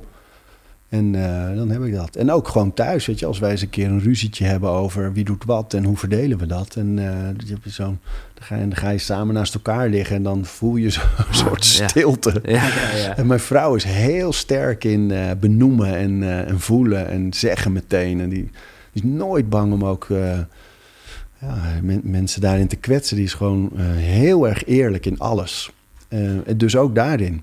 Eh, Dus die, die, ja, door haar heb ik dat ook geleerd beter te doen. ja, ja, ja. Beter gewoon te zeggen, dit is gebeurd en eh, ja, het spijt me, dit was mijn aandeel daarin. En eh, ook als zij dan niet zegt, nou het spijt me ook, dit was mijn aandeel. Als ze dat niet zegt, is het ook oké, want ik ben het natuurlijk wel kwijt. Dus zij heeft jou echt, als ik dit nu zo hoor, echt wel eh, even een leveltje hoger gebracht. Ja, Eh, zeker mens. na, na, na een wat onrustige periode. Nou goed, dat- en op een gegeven moment kwamen we elkaar. Ah, Oké, we willen Ja. samen zijn. Ja, weet je wat ik zo... Een van de dingen die ik zo bijzonder vind aan haar... is dat zij heeft het in zich om... Ik heb er bijvoorbeeld nooit over nagedacht om buiten de stad te gaan wonen. Terwijl ik wel mijn leven lang al... als ik bijvoorbeeld terugkwam van vakantie... en heel veel buiten was geweest... en voelde ik me altijd zo blij Mhm. ook en eh, goed. Ja, En, en zij heeft op hele logische, kleine manieren eigenlijk ervoor gezorgd... dat ik mijn leven en ons leven veel meer ben in gaan richten... naar een ideale situatie. ja. Terwijl ik woonde heerlijk in, in de stad in Amsterdam en daar genoot ik ook van. Maar nu zit ik in het groen en ik heb mijn eigen sportrek en ik Ja, heb mijn ja, dingen ja. staan en we hebben dieren en die kinderen zie ik lachen. En door, weet je, het is ineens helemaal een situatie dat ik denk, wauw, we zijn gewoon helemaal aan het Ja. Hoe we het willen hebben. Ja, ja, en elke stap is, en dat doet zij en daar is ze heel sterk in. En, eh, Maar is dat, kan je dat kort door de bocht zeggen? Want ik weet dat ze wel van de yoga is en zo, toch? ja, Dus dat ze heel grounded is. Ja, ze is heel grounded, en, eh, maar ze is dus totaal niet sportief. Ze moet ook altijd heel erg lachen om mijn, om mijn dingen. En eh, toch echt wel ook wel met leedvermaak af en toe eh, om mij lachen. En eh, ik hoef ook nooit over invited to the conversation gesproken. Nee, ik hoef ook geen moment te proberen haar mee te krijgen in mijn Nee. eh, sportdingetjes. Dus, maar ze, ze doet veel yoga en eh, heeft ze ook altijd heel veel gedaan. Maar ze heeft ook gewoon wat mensen soms hebben. Dat je gewoon voelt, oh ja, je bent gewoon, je hebt rust, je bent stabiel, je bent, je bent helemaal niet bezig met wat anderen van je vinden. Zij hoeft bijvoorbeeld, ze zal ook nooit televisie of radio of zo, dat vindt ze Nee, helemaal niet leuk om nee, te doen. Dat nee. doet ze dan ook gewoon niet. En hoe vindt ze het om daarmee om te gaan? Want dat is toch... Ja, Moeilijk. Ja, oké. Ja, ja zij, eh, nou ja, ze wordt met enige regelmaat besproken en dat, dat, dat vindt ze heel moeilijk. En ze vindt het ook al moeilijk als mensen ehm, op haar reageren op Instagram vanuit een soort onwaarheden o- over haar, weet je. Dan heeft ze toch heel erg het gevoel van, oh, dan moet ik met je in gesprek, want dat klopt niet. Ja, En- ja, ja, de behoefte om dat... Ja, Ja. snap ik. Ja, ja. En, eh, en ze vindt, ja, het is, vindt het, zij vindt bekend zijn geen, eh, dat vindt ze niet een leuk fenomeen. Nee. En, en, maar goed, daar heeft ze dan toch mee te maken. In ieder geval met iemand die, eh, nou ja, wel eh, af en toe op een Ja. podium staat. Ja, Eh, en ook natuurlijk daarmee eh, niet bang is om gedoe op zijn hals eh, te houden. Nee. Hoe kan ze daar dan mee omgaan? Want, ja, jij, nou ja, zeker de afgelopen tijd, ja, respect voor de dingen waarvoor je staat. Daar bleef je ook voor staan. Maar het, de, de- de- nou ja, de term Arie Boomsma werd wel een ding. ja, En ik bedoel, Ja. ik ben iemand die dat heel erg kan zeggen en ook Ja. weet hoe, hoe dat is, want dat Ja. is de term Giel Belen ook. Ja. En, en nou ja, Ja, en dat is, kijk, aan de ene kant is zij daar juist beter in, misschien nog wel dan ik, omdat zij heel erg kijkt naar wat is de realiteit. ja en ze wat is, kan wat meer er afstand. echt- eh, ja, ja, ja. Ja. Nou ja, oké, jij zelf dan? Nou, ik heb wel eens, ik heb soms wel eens, dat je, dan hoor ik dat, dat Joep van het Hek iets geschreven Ja. heeft. En denk ik, ja, moet ik daar dan op ingaan? Want, en eh, dan heb ik soms ook wel zin om een beetje van me af te slaan, weet je wel. En gewoon verbaal dan. En ehm, dus ik, ik, doe, ik ben daar sneller toe geneigd. Ik zit nu toevallig al eh, bijna sinds die laatste rel dan met eh, Veronica Inside... Ja. zit ik in een periode dat ik heb besloten, ik ga alleen maar positief. Dus iedereen Ja, die ja, komt met je bedreigingjes of je dingetjes, eh, ik ga er niet op in en ik ga ook nergens meer. Ik ga je zelfs niet je, je, je haatopmerkingje gebruiken om Nee. een grap te maken, Nee, wat nee, ik eerder wel veel deed. En misschien doe ik dat ooit wel weer, Ja, maar ja, ik maar nu geniet even- heel erg van nu Ja. alleen maar positief. En eh, Nee, oké, maar ik ken dit heel erg. Maar dan komt toch even inderdaad... Ja. Jij noemt het nu zelf Joep van het Hek eh, om. De, om de hoek zeilen. ja, En, en ja, het is een cabaretier, je weet het. Maar hij zegt dan toch even, nou ja, een, een soort oude grap van hem eigenlijk. eh, over hè, dat jij eigenlijk homo bent, uit de kast moet Ja. komen. En nou ja, dat. Ja, het, het, het, het raakt je toch. nou die niet. Nee? Oh, nee, die niet. Want kijk, ja, daar denk ik altijd van, oké, ja... Nee, die raakt me echt niet. Nee. Eh, ook omdat hij hem inderdaad al een paar jaar maakt. Ja, nee, maar er zat wel, ik bedoel, dit was in een, in een er zat wel iets, iets venijnigs toch? Nou, weet je wat, wat me wel raakt, is dat ehm, ik vind hem een goed cabaretier. Ik vind dat hij jarenlang heeft hij een hele belangrijke rol gespeeld op het podium. En ik vind hem gewoon echt goed in zijn werk. En op het moment dat zo iemand naar rechts kantelt en het ook heeft over deugers en weet ik veel ja, wat ja, ja, allemaal. dat was het inderdaad, ja. Ehm, dat raakt me zo, wel, ja, een ja. good mensch. Ja. En dan denk ik, ja, nu ga je staan bij een groep van eh, een soort onderbuikgroep die Terwijl hij links vaar raakt, Ja. hopen dat hij ook voor eh, de... Ah, dat is ja. iets heel. Maar ook dan, en nu kennelijk was het afgelopen weekend weer raken, dat hij weer in een interview had hij mij genoemd. En, en wa- waar dan voor mij de moeite zit, is niet wat hij zegt, want het is een cabaretier, die mag zeggen wat hij wil. En dat moet ook altijd zo blijven. Leef het vrije woord. Ja. Ehm, en hij heeft me ook wel eens uitgelegd van ja, als je je kop boven het maaiveld uitstaat, dan moet ik je af en toe pakken. En dat, dus dat is ook niet erg. Ik, mij persoonlijk maakt het niet zoveel uit. Wat ik wel heel ehm, eh, moeilijk vind, is wat er dan gebeurt maar eigenlijk met het bredere signaal. Weet je wel? Dus als hij eh, naar die kant helt en zegt: eh, ja, eh, homo's dit en ik moet Ja. toch nicht kunnen zeggen. Ah ja, ik precies. moet toch dat, en pissenlicht, dat, eh, Niemand heeft ooit in het echt tegen Joep van het Hek gezegd: dat mag je niet zeggen. Nog, Nee. Dat is nog nooit Nee, gebeurd. nee, nog nooit. En toch roepen ze de hele tijd: ik mag dit niet en ik mag dat niet. En wat, waar het mij dan steekt, is dat ik word opgevoerd als een soort, alsof ik een soort politieman ben die in de gaten houdt wat iedereen zegt en die tegen een soort vrij woord is. En daar denk ik van, dat is niet zo. Heb ik ook nog nooit gezegd. En daar wordt het moeilijk om niet te reageren. Want dan denk ik, oh ja, moet ik dat aan recht zetten? Ja, ja, ja. En nu zit ik in een periode dat het me heel makkelijk lukt om alles te negeren en gewoon lekker koers te houden. En soms vind ik dat moeilijker. En heel soms haal ik dan toch even terug uit of eh, maak ik er een leuke tekst van. Of, eh, Ja. En daar kan ik dan ook wel van genieten hoor. Ik ben, ben gewoon niet. eh, maar het is wel met een gezin is het wel anders. Nou ja, precies. Die dynamiek. Ja, omdat zij er ook mee geconfronteerd worden. En ook met, met het relletje waar dat over ging, waar hij over schreef, met dat hele Veronica Ja, Inside ja, eh, ja. gebeuren. Dat, kijk, op het moment dat je kritiek hebt op zo'n programma, eh, dan komt er echt iets los. Want dat zijn gewoon echte bedreigingen. Weet je wel? Dat zijn gewoon mensen die het hebben over, eh, we steken je neer, eh, Oh, waar je vrouw en kinderen bij zijn. En dan kijk je en dan is het een jochie van 18, dus ik, dat- ik, ik lig er niet wakker van en ik ben niet bang en ik kijk niet over mijn schouder en ik denk, je weet me te vinden, ik ben elke dag daar en daar en daar, kom maar. Alleen, dat is wel wat het ontketent. En eh, met een gezin is het net even anders eh, daarmee omgaan dan als je, als je alleen bent. Als ik alleen was, ja, dan heb ik allemaal al jaren, en jij, Hmm. jij waarschijnlijk ook, Ja, ja. jaren meegemaakt. Dat, dat maakt niet meer zoveel uit. Nee. Alleen met een gezin is het anders, omdat het niet meer alleen over jou gaat. Nou ja, kijk, wat ik er krachtig aan vind, eh, is dat, eh, en dat, dat is wel een groot verschil tussen ons. Ik wil, eh, bedoel, ja, in dat opzicht is het heel onvergelijkbaar. Is dat ik meestal gewoon gedoe heb over slechte grappen met nog wel een soort referentie naar het goede. Maar goed, dat is dan verkeerd gegaan of whatever.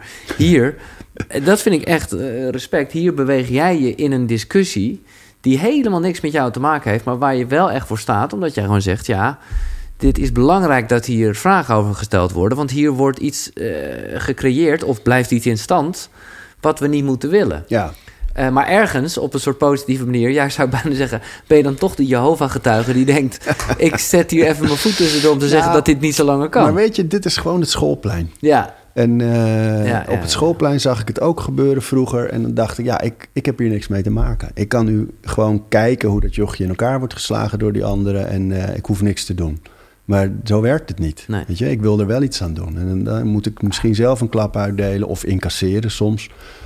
Alleen waar ik mezelf op betrap soms, hè, is dat ik dan, zoals nu in die periode, dat is positief. En dan komt Sinterklaas. eh, ga ik iets schrijven over het hele fenomeen Zwarte Piet Ja, en hoe ja, we daar. ja. En dit jaar heb ik er voor het eerst voor gekozen dat niet Even te doen. niet Omdat ik dacht, ik wil alleen maar positief deze periode. En dan bekruipt me ook het gevoel, ja, ik ben wel al jaren ook mee aan het strijden. En nu laat ik eigenlijk mijn medestrijders een beetje vallen. En, eh, en misschien al die twijfelaars, eh, weet je, die kan ik nu wel.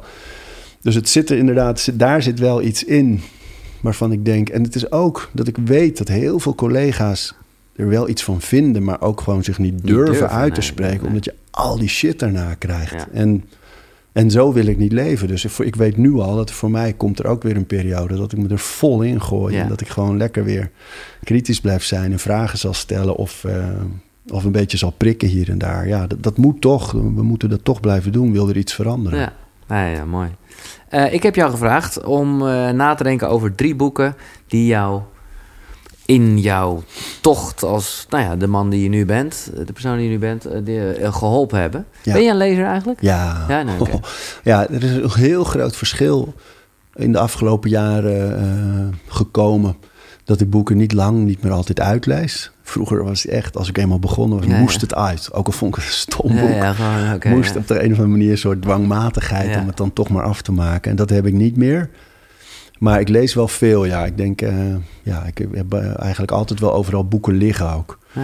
En dan hoor ik iets in een podcast. En dan, eh, ja. Stel ik het en dan zoek ik het op. Ja, ik heb eh, ook eh, in vol hart weer een paar referenties eh, dat ik dacht, eh, oké, Ja, leuk hè? die heb ik alweer besteld. Ja, ja, en ik zag ze hier ook. Ja, hier wordt, ik moet het echt gaan opruimen. Ik heb ook een klacht over gekregen van iemand die gewoon het te onrustig vond op de achtergrond. En ik ben het met hem eens. Eh, de, en het voelt ook een beetje alsof ik nu aan het shinen ben. Want kijk mij veel boeken hebben. Dus ik ga dat. ze gaan de, de volgende keer zijn ze weg. Maar anyway, wat zijn jouw eh, drie boeken die je hebt uitgekozen? Eh, The War of Art. The War of Art, ja, Ja, van. Stephen Pressfield. Ja. Niet te verwarren met The Art of War van eh, Sun Oh. Tzu. Ja, dat is een managementboek eigenlijk. Het is Eigenlijk een boek over oorlog. Maar, Ik bedoel eh, het de boek manage- over creativiteit. Tenminste, dat ja, ken dat ik. is The War of Art Ja. van Stephen en die Pressfield. bedoel jij niet? Ja, die bedoel ik Oh, die wel. bedoel je wel. Ja. Oh, ja, ja. Ja, je hebt- Oké, wacht even. Ja. Terug.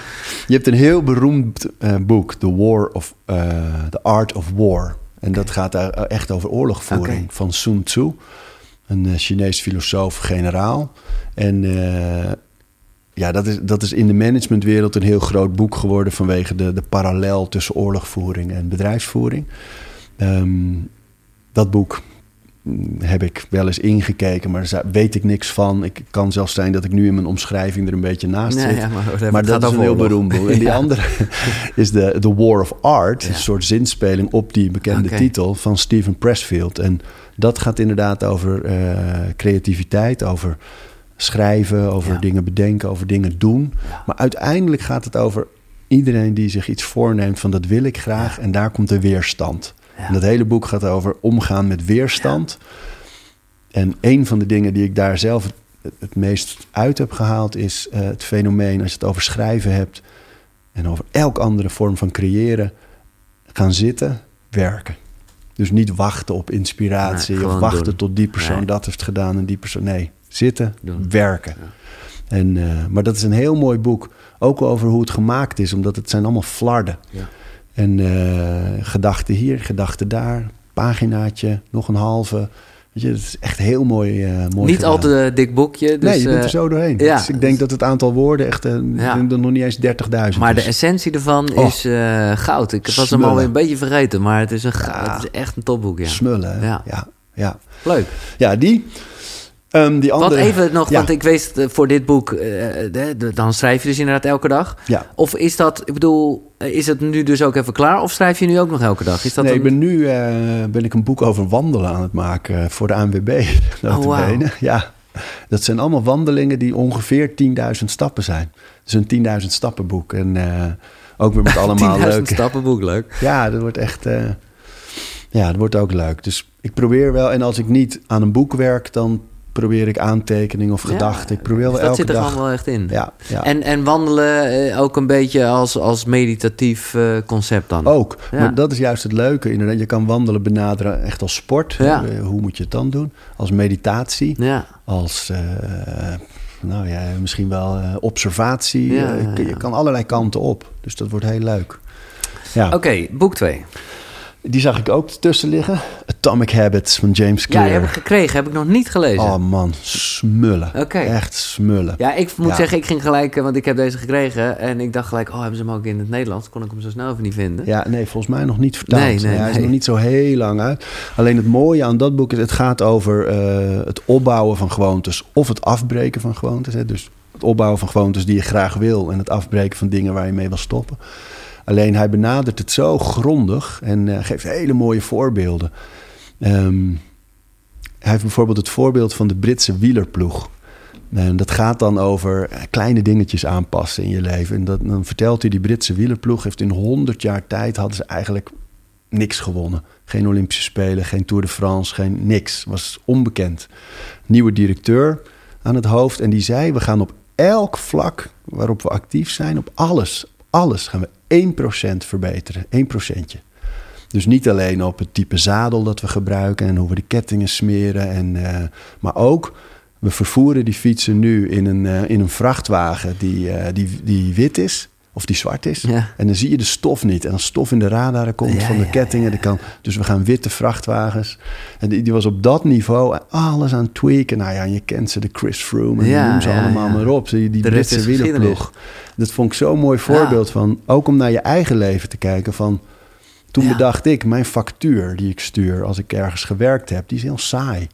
Terwijl, eh, weet je, die is gewoon eh gelieven binnen 14 dagen Ja, enzovoort ja. enzovoort. Maar je denk, wil overkomen of je ben bent, je bent... Nee, exact. Oh, Of je hebt een heel mooi voorbeeld ook in, dat, in die hoek van CD Baby. Zo'n zo'n platform waarbij je muziek kan kopen. Ja, En die Derek Siver- Sivers, die dat heeft opgericht. Hele leuke, creatieve man. En die had die service. Dan, kon je, dan werd echt nog in een dvd'tje muziek Ja. opgestuurd. En eh, hij had een hele standaard mail. Dank voor je bestelling. Het wordt opgestuurd enzovoort. En toen dacht hij, nee, dat is niet wie ik ben. Dus toen heeft hij hem herschreven. Van, eh, er is een, eh, iemand opgeleid in Japan... die met Ja. fluwelen handschoenen jouw ding op een kussentje heeft gelegd. iets te veel bedrijfjes hebben dit gelezen hoor, moet ik eerlijk zeggen. Weet je waarom? Die, die mail van hem, die is tientallen duizenden Ja. keren rondgestuurd. Omdat hij zo grappig en Ja, ik vind het ook tof, maar de- af en toe krijg ik wel eens een beetje rillingen van, omdat omdat, ik, omdat het weer één soort marketing ding Ja. is geworden. Maar, eh, Maar dat is natuurlijk met alles wat succesvol is, die, dat wordt nagedaan. Alleen het idee van het idee zorg dat alles wat je doet, al elke uiting, elk, elk detail in, Ah, je, in hoe je werkt, verbeterd wordt. Eh, dat is het gegeven een beetje van dat boek. En het is best wel te lezen. Ik ben er echt Ja. dus nog niet eens begonnen. Hoor, Nee, maar, dat is eh, heel goed te lezen. Ja, en hij, top. heeft, eh, hij is ook best wel vaak de gast. Als je bijvoorbeeld, volgens mij zat hij laatst, weet ik niet meer, Art of Nee. Manliness of een van die ja, ja. podcasts. Was hij te gast, kan je ook doen in plaats van het boek. Ja. De- de- voordat we naar het derde boek gaan, want dat is het leuke van jouw boek, dat er ook niet alleen, hè, vaak staat er in boeken achterin een boekenlijst. Bij jou is het echt na elk onderwerp eh, een paar boeken en een paar podcasts, wat ik Ja. heel tof vind. Ja, Eh, maar doe je dat tijdens het sport of zo? Wanneer luister jij het? nee, tijdens het sporten doe ik nooit. Nee. Eh, we hebben in de gym draaien we alleen maar hip-hop. Oh ja. En alleen ik heb nooit oortjes of dingen tijdens het sporten. Vind het veel te Maar leuk. om wanneer, waar haal je de tijd vandaan? Eh, als ik, ik fiets van Apkoude naar eh, Amsterdam. Oh, ja. En ook al wel op een elektrische bakfiets, notabene. Eh, maar dat doe ik toch nog wel drie kwartier over. Ja, dus heen Ja, en terug perfect. ben ik al heel. Als ik in de auto zit, luister ik altijd. En heel af en toe doe ik het als ik gras maai of mest schep... of dat soort klusjes op de boerderij. Dan doe ik het ook. En zo kom ik een heel eind. Ja, nee, Ja. duidelijk. En ik moet ook toegeven dat ik heel af en toe die anderhalve snelheid aanzet. Oh, ik je? altijd. Ja? Ja, ik ook twee zelfs. Ja, maar jij praat zelf al zo Ja, jij bent die radioman, toch? Nee, maar echt, ik bedoel, eh, oh ja, nee, dat is echt... Mensen worden er kriegelig van als ze bij mij in de auto stappen. Omdat ze. Ik vind het heerlijk. En dan af en toe denk ik, oh, wacht even, dit moet ik echt even goed horen. Dan, Dan luister je even terug. zet ik hem even... Maar sowieso, ik kan nooit op één, op de normale snelheid. Heb ik eigenlijk nog nooit opgewicht in iemand. Ik kan niet eens meer luisteren. nee? Ik vind, ik vind een podcast op één, gewoon zoals die Duurt je hoort, te lang. veel te traag. Ja, Zo. ja. Ja, sorry voor deze... Nee, prachtig Oké, het derde boek. Ehm, Ik heb er eentje opgeschreven van ik dacht, die gaat hij zeggen. oh, oh. Maar eh, zeg eens eerst. nee, Nee, kom eens. nee, zeg jij eerst. Dan zeg ik of ik eh, mis. Ik wilde eh, Waarom we slapen van Oh. Is- Isbrand van der Werf. Mm. Ja, wilde ik nog, omdat ik het zo leuk vind om een Nederlands boek ook te noemen. Ja, en Waarom En, we eh, slapen is een heel goed boek over slaap. Ja, Oh, het, het lijkt op eh, wat Walker. hier ook ligt van Ja. Matthew Walker's Slaap. Alleen eh, Isbrand van der Werf is een eh, eh, hoogleraar aan de VU. En het boek is volgens mij redelijk onopgemerkt gebleven. Terwijl wat hij zo mooi gedaan heeft, is al die bestaande onderzoeken naar slaap eigenlijk eh, gebundeld. En dan zijn eigen research en inzichten erbij. En je krijgt een hele mooie samenvatting van als je al die kennis van slaap bij elkaar doet, dan hou je deze dingen over. En dan, noemt hij, weet je, de temperatuur in je Ja. kamer, donker, Ja, eh, donker licht, eh, de prikkels, natuurlijk de bekende dingen ook allemaal. Maar hij schrijft er heel helder over. En hij heeft het ook over de verschillen tussen mensen en dieren, bijvoorbeeld Ja, met slaap. En dat er dieren bestaan die tegelijk wakker kunnen zijn en slapen. En eh, het is een heel leuk boek. Ja. Echt een heel Nou ja, voor boek. jou is het al een tijdje een soort algemeen goed dat dat slapen gewoon zo belangrijk is. Ik moet eerlijk zeggen, voor mij helemaal niet. In mijn hele leven was het, eh, ja, zonde van je tijd. Het leven is te leuk. En toen begon ik een beetje, nou ja, aan dat sixpack verhaal en zo. En dan denk je gewoon, oké, het is beweging en voeding. En toen kwam die derde pijler. En, Ja. en, en nou ja, las ik Matthew Walker en zo. En ineens begon ik me te realiseren. Ik weet niet hoe jij dat ziet, maar dat het... Want we weten er ook relatief nog best wel weinig van. Ja, zoals we ja, van de hersenen sowieso misschien niet zoveel weten. Dus het heeft ook iets... Ja, ik vind het nu... Ja, ik wil niet alles spiritueel maken. Maar eigenlijk is slapen... Het is heel bijzonder. Ja, man.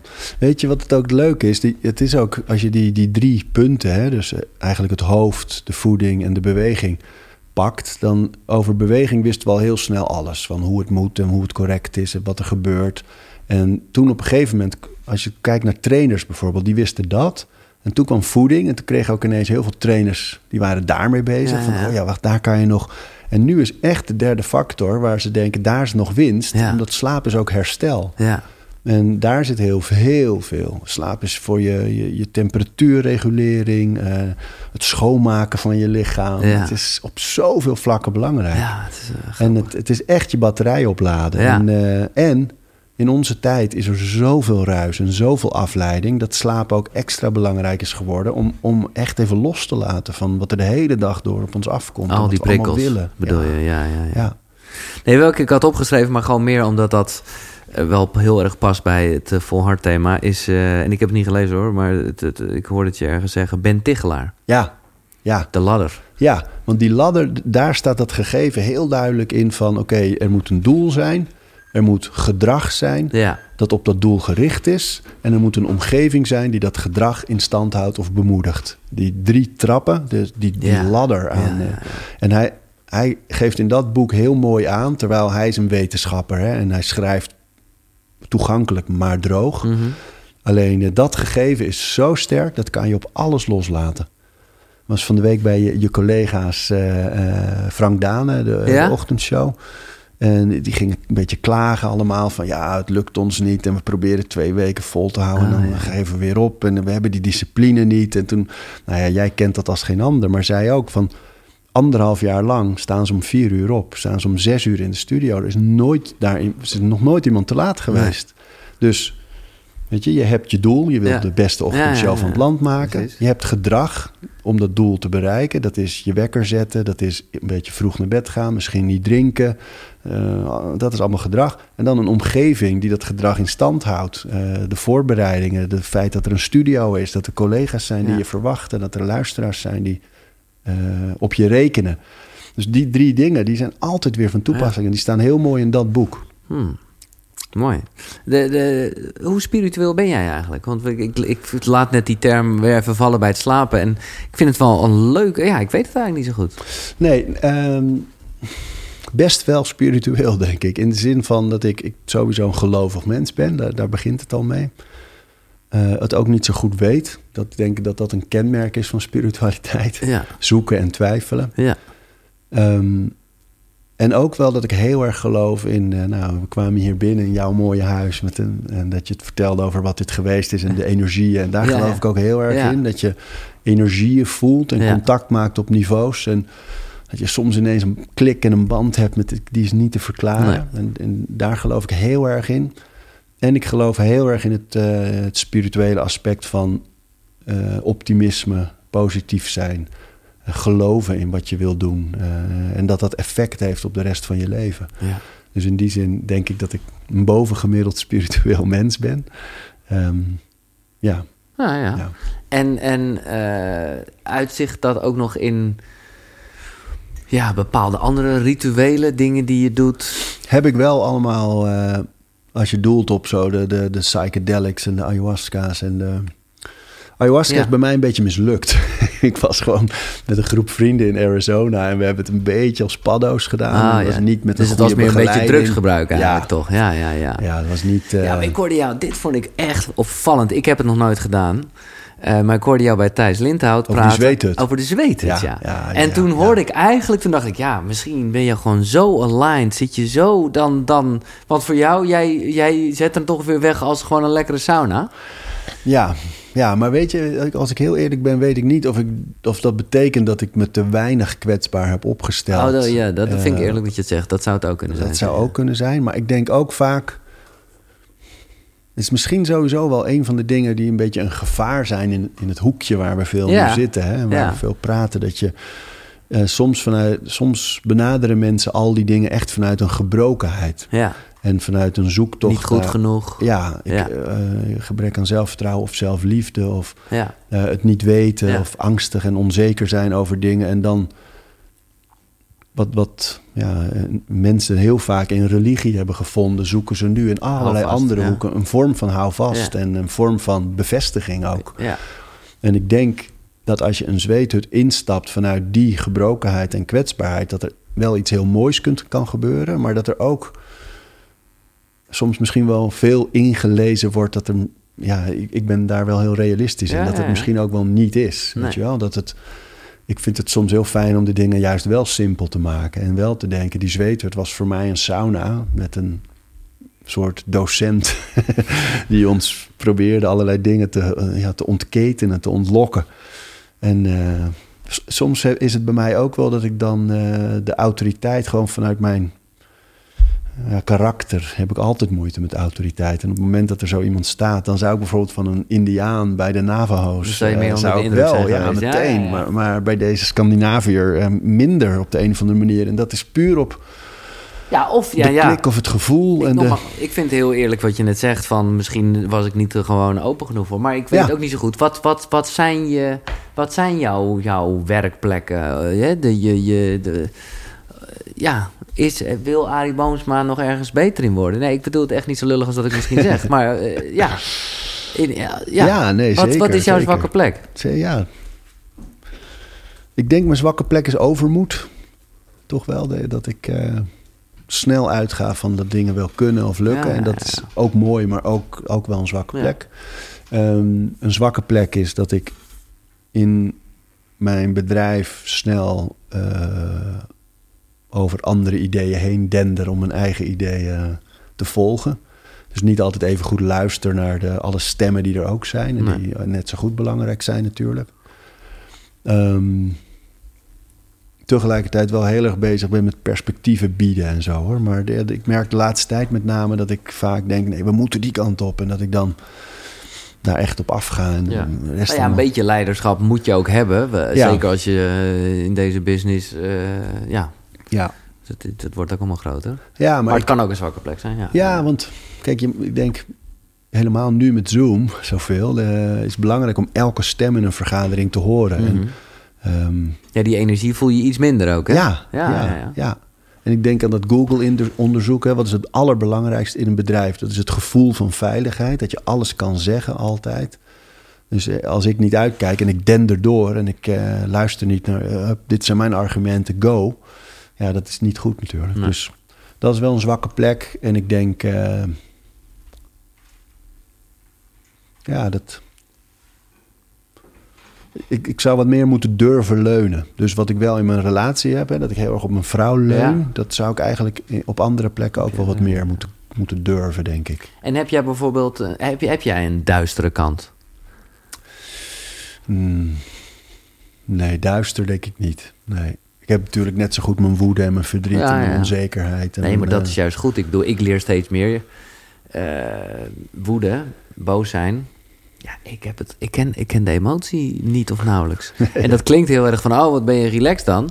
Ja, dat is Ja. dus helemaal niet goed. Nee. dat betekent gewoon dat als er zoiets voordoet... dan ga ik uit verbinding met mezelf. In het beste geval weet ik het om te buigen tot verdriet. Which is een hele andere emotie. Ja, dus, Ja. dus eh, ik, eh, ik Ja. kan je bijna... Nou ja, jaloers is dan weer een emotie die, ik- die ik gelukkig wat minder ken. Maar ik kan echt opkijken tegen... Eh, dat je er wel de boosheid hebt dan in ieder Nou geval. ja, maar ik geloof die, die Stoïcijnse school heel erg. Ja. Dat je Ja, ja, ja. vol een emotie beleeft en echt kwaad ook kan worden. Of heel verdrietig, maar daarna ook besluit, nu is het klaar. Nee, maar dat, is ook, dat, is, dat is ook verzoen voor het slapen. Ja. Dat houdt het zo lekker clean allemaal. Ja, ja. ja, maar dat gaat voor mij ook heel erg over, over de ruimte in mijn hoofd... en de, negati- de negatieve energie die zoiets kan veroorzaken. Ja. Eh, eens even kijken. Laten we het iets luchtiger houden. Eh, met nog even een tipje. Die gewoon, gewoon ja... eh, ik, wil je nog wat drinken? Dan- Dan pak ik nog even wat. Eh, maar dan kan je even de mensen de tip geven... wat ze moeten doen. Ik, ik wil hem jou laten zeggen en geen woorden in mond leggen. Maar als je net als ik veel te snel eet... Oh ja, ja, ja, ja, leuk. Ja, die heb ik eigenlijk van de zen-boeddhisten. En die, eh, ja... Die, dat is trouwens ook nog wel een leuk boek om, om te tippen, hoor. Je hebt... alleen die naam van die schrijver, die ontschiet me nu. Staat wel in het boek getipt ook. Maar dat is een boekje met allemaal wijsheden van, eh, van zen-boeddhisten. En eentje daarvan is dus leg na elke hap die je neemt even je stokjes is het dan voor hun. En voor ons zou het je vork of je mes zijn.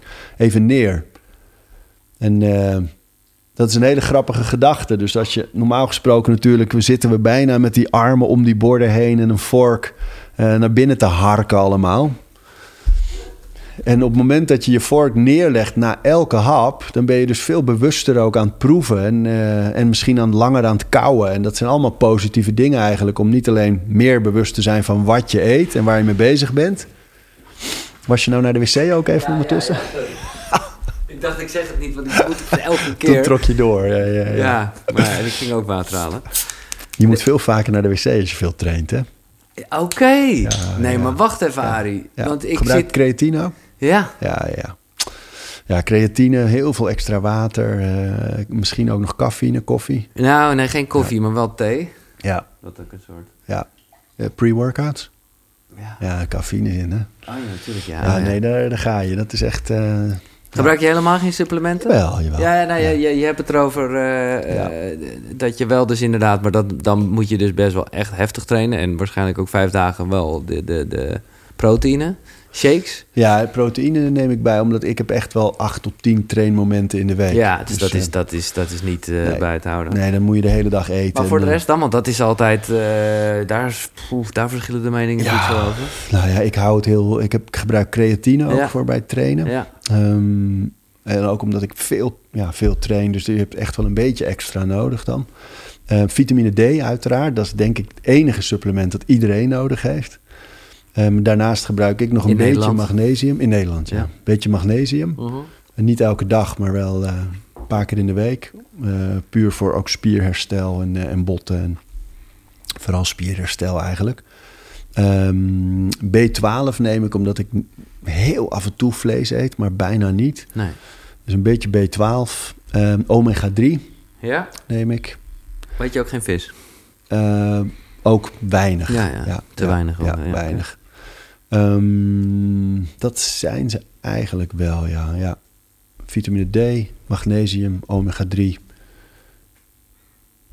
B12 een beetje en creatine, Ja, ja, ja. proteïne. En dan ga je dus van plassen. Nou ja, dat, Ja, ja, ik heb het altijd je, al gehad, dus misschien is het ook een slechte excuus. Maar dat is dus als je, als je te snel eet, gewoon na elke hap even je vork neerleggen. Ja, En dan ben je aan het kauwen en dan ben je aan het mijmeren. En dat is allemaal heel... eh, en dan proeven waarschijnlijk ook meer. Ik was met één ding niet eens, want dan is het allemaal weer louter Gelukkig, lof. gelukkig. En ik snapte hem heel erg. Eh, maar eh, kijk, jij zegt, en dat is, het, dat is bijna een soort tip van... eh, hè, mijn moeder zou die tip ook geven. Zo van, eet voordat je boodschappen gaat doen. ik heb dus de laatste tijd dat ik... Ja, ik was- zou hem willen omkeren. Maar dat komt gewoon omdat ik bij mezelf echt alweer... dus die hele rigide afspraak heb... dat ik gewoon alleen maar goede producten haal. Ja.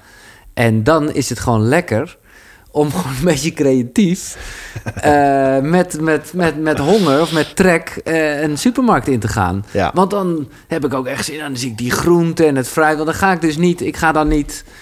En ik snap hoe jij bedoelt. Jij bedoelt van anders ga je eh, zeg maar Ja. snacks halen. Die haal ik gewoon sowieso niet. Nee. Dus dan vind ik het gewoon lekker om niet. eh, Ja, nee, maar dat is... Dat, dat, ja, als je die discipline hebt... ja. Voor de meeste mensen is de supermarkt natuurlijk een moeilijke plek gewoon. Mhm. Het wordt op allerlei... Die hele marketing is er ook helemaal op gebaseerd... om je te verleiden om Ja, zoveel mogelijk... en Ja, ja, ja. op de strategische plekken. Dus ik vind eigenlijk als je het moeilijk vindt om die verleidingen te weerstaan... is het allerbeste wat je kunt doen is online bestellen. Ja, eigenlijk natuurlijk. wel, ja. Gewoon, eh, Ja, dit heb ik nodig en verder niks. En maar, ik ben met je eens, als je dat wel kan... is het heerlijk om je gewoon eh, te laten verleiden door Ja. goede dingen. Ja, als Nou, dat kan. ook omdat ik eh, het zo mooi zou vinden. En ik heb niet de illusie dat dat heel erg in een supermarkt gaat lukken. Maar om je intuïtie op dat gebied ook een beetje te trainen. Waar heb ik nou echt, echt zin in Ja. en behoefte aan? Ja. Eh, En is dat elke keer anders dan? Nou, ja, wel een beetje. En ik heb leuk. gewoon ook één keer, dat is gewoon sinds die tijd, denk ik, oh, dat gevoel. Ik heb één keer in mijn leven ayahuasca gebruikt, het plantenmedicijn. En dan zit je natuurlijk toch aan een, eh, ik noem het even een dieet in de, eh, nou ja, een soort van goede zin van het woord. Namelijk van wat je wel en niet Ja. eet in een bepaalde tijd. En ik was het briefje vergeten, maar ik wist het natuurlijk wel van, hey, dit was daarna. Dus ik wist heus nog wel, het is een beetje hetzelfde als ervoor. En ik ging daar puur vanuit een heel intens gevoel, eh, eh, echt ontzettend veel boodschap halen. En ik kwam terug en ik zag sowieso de kleurrijkheid ineens, viel mij op. En dat ik dus ook allemaal niet, waarvan je nog zou kunnen denken dat het gezonde dingen waren. Ik weet even niet, het heeft uiteindelijk ook een soort naam met een bepaalde waarde. Maar ik had dus allemaal geen, eh, hoe noem je dat ook alweer, wat, eh, ja, wat vegans veel eten omdat je dat... eh, Tofu? Of? ja, dat, Ja. dat soort dingen had ik allemaal niet. Nee. Ik had echt alleen maar die pure dingen. Omdat ik gewoon echt... Ja. Ja. gewoon waar ik zin in had. Ja, Ja, fantastisch. toen dacht ik echt van... Ja. oh, dit is mooi. Dit, Maar dat is het. Ja, ik, ik, hou, ik ben heel erg voor plant-based. Ik ben het niet zelf volledig. Nee, maar Ehm, goed, als het allemaal soja en zo wordt... wordt je, nee, is het ook niet goed. Ik denk een hele veilige manier is om gewoon zoveel mogelijk... want het is natuurlijk moeilijk... maar zoveel mogelijk te vermijden wat uit een fabriek komt. Ja. Dus alles wat Ja, ja, samengesteld dat is dat is gewoon... hoe puurder het kan, hoe beter natuurlijk, ja. Maar eh, hou jij, ben jij iemand die, die... Want dat is natuurlijk ook wel een sportschool-dingetje. Die de, de waardes... eh, Nee. nee?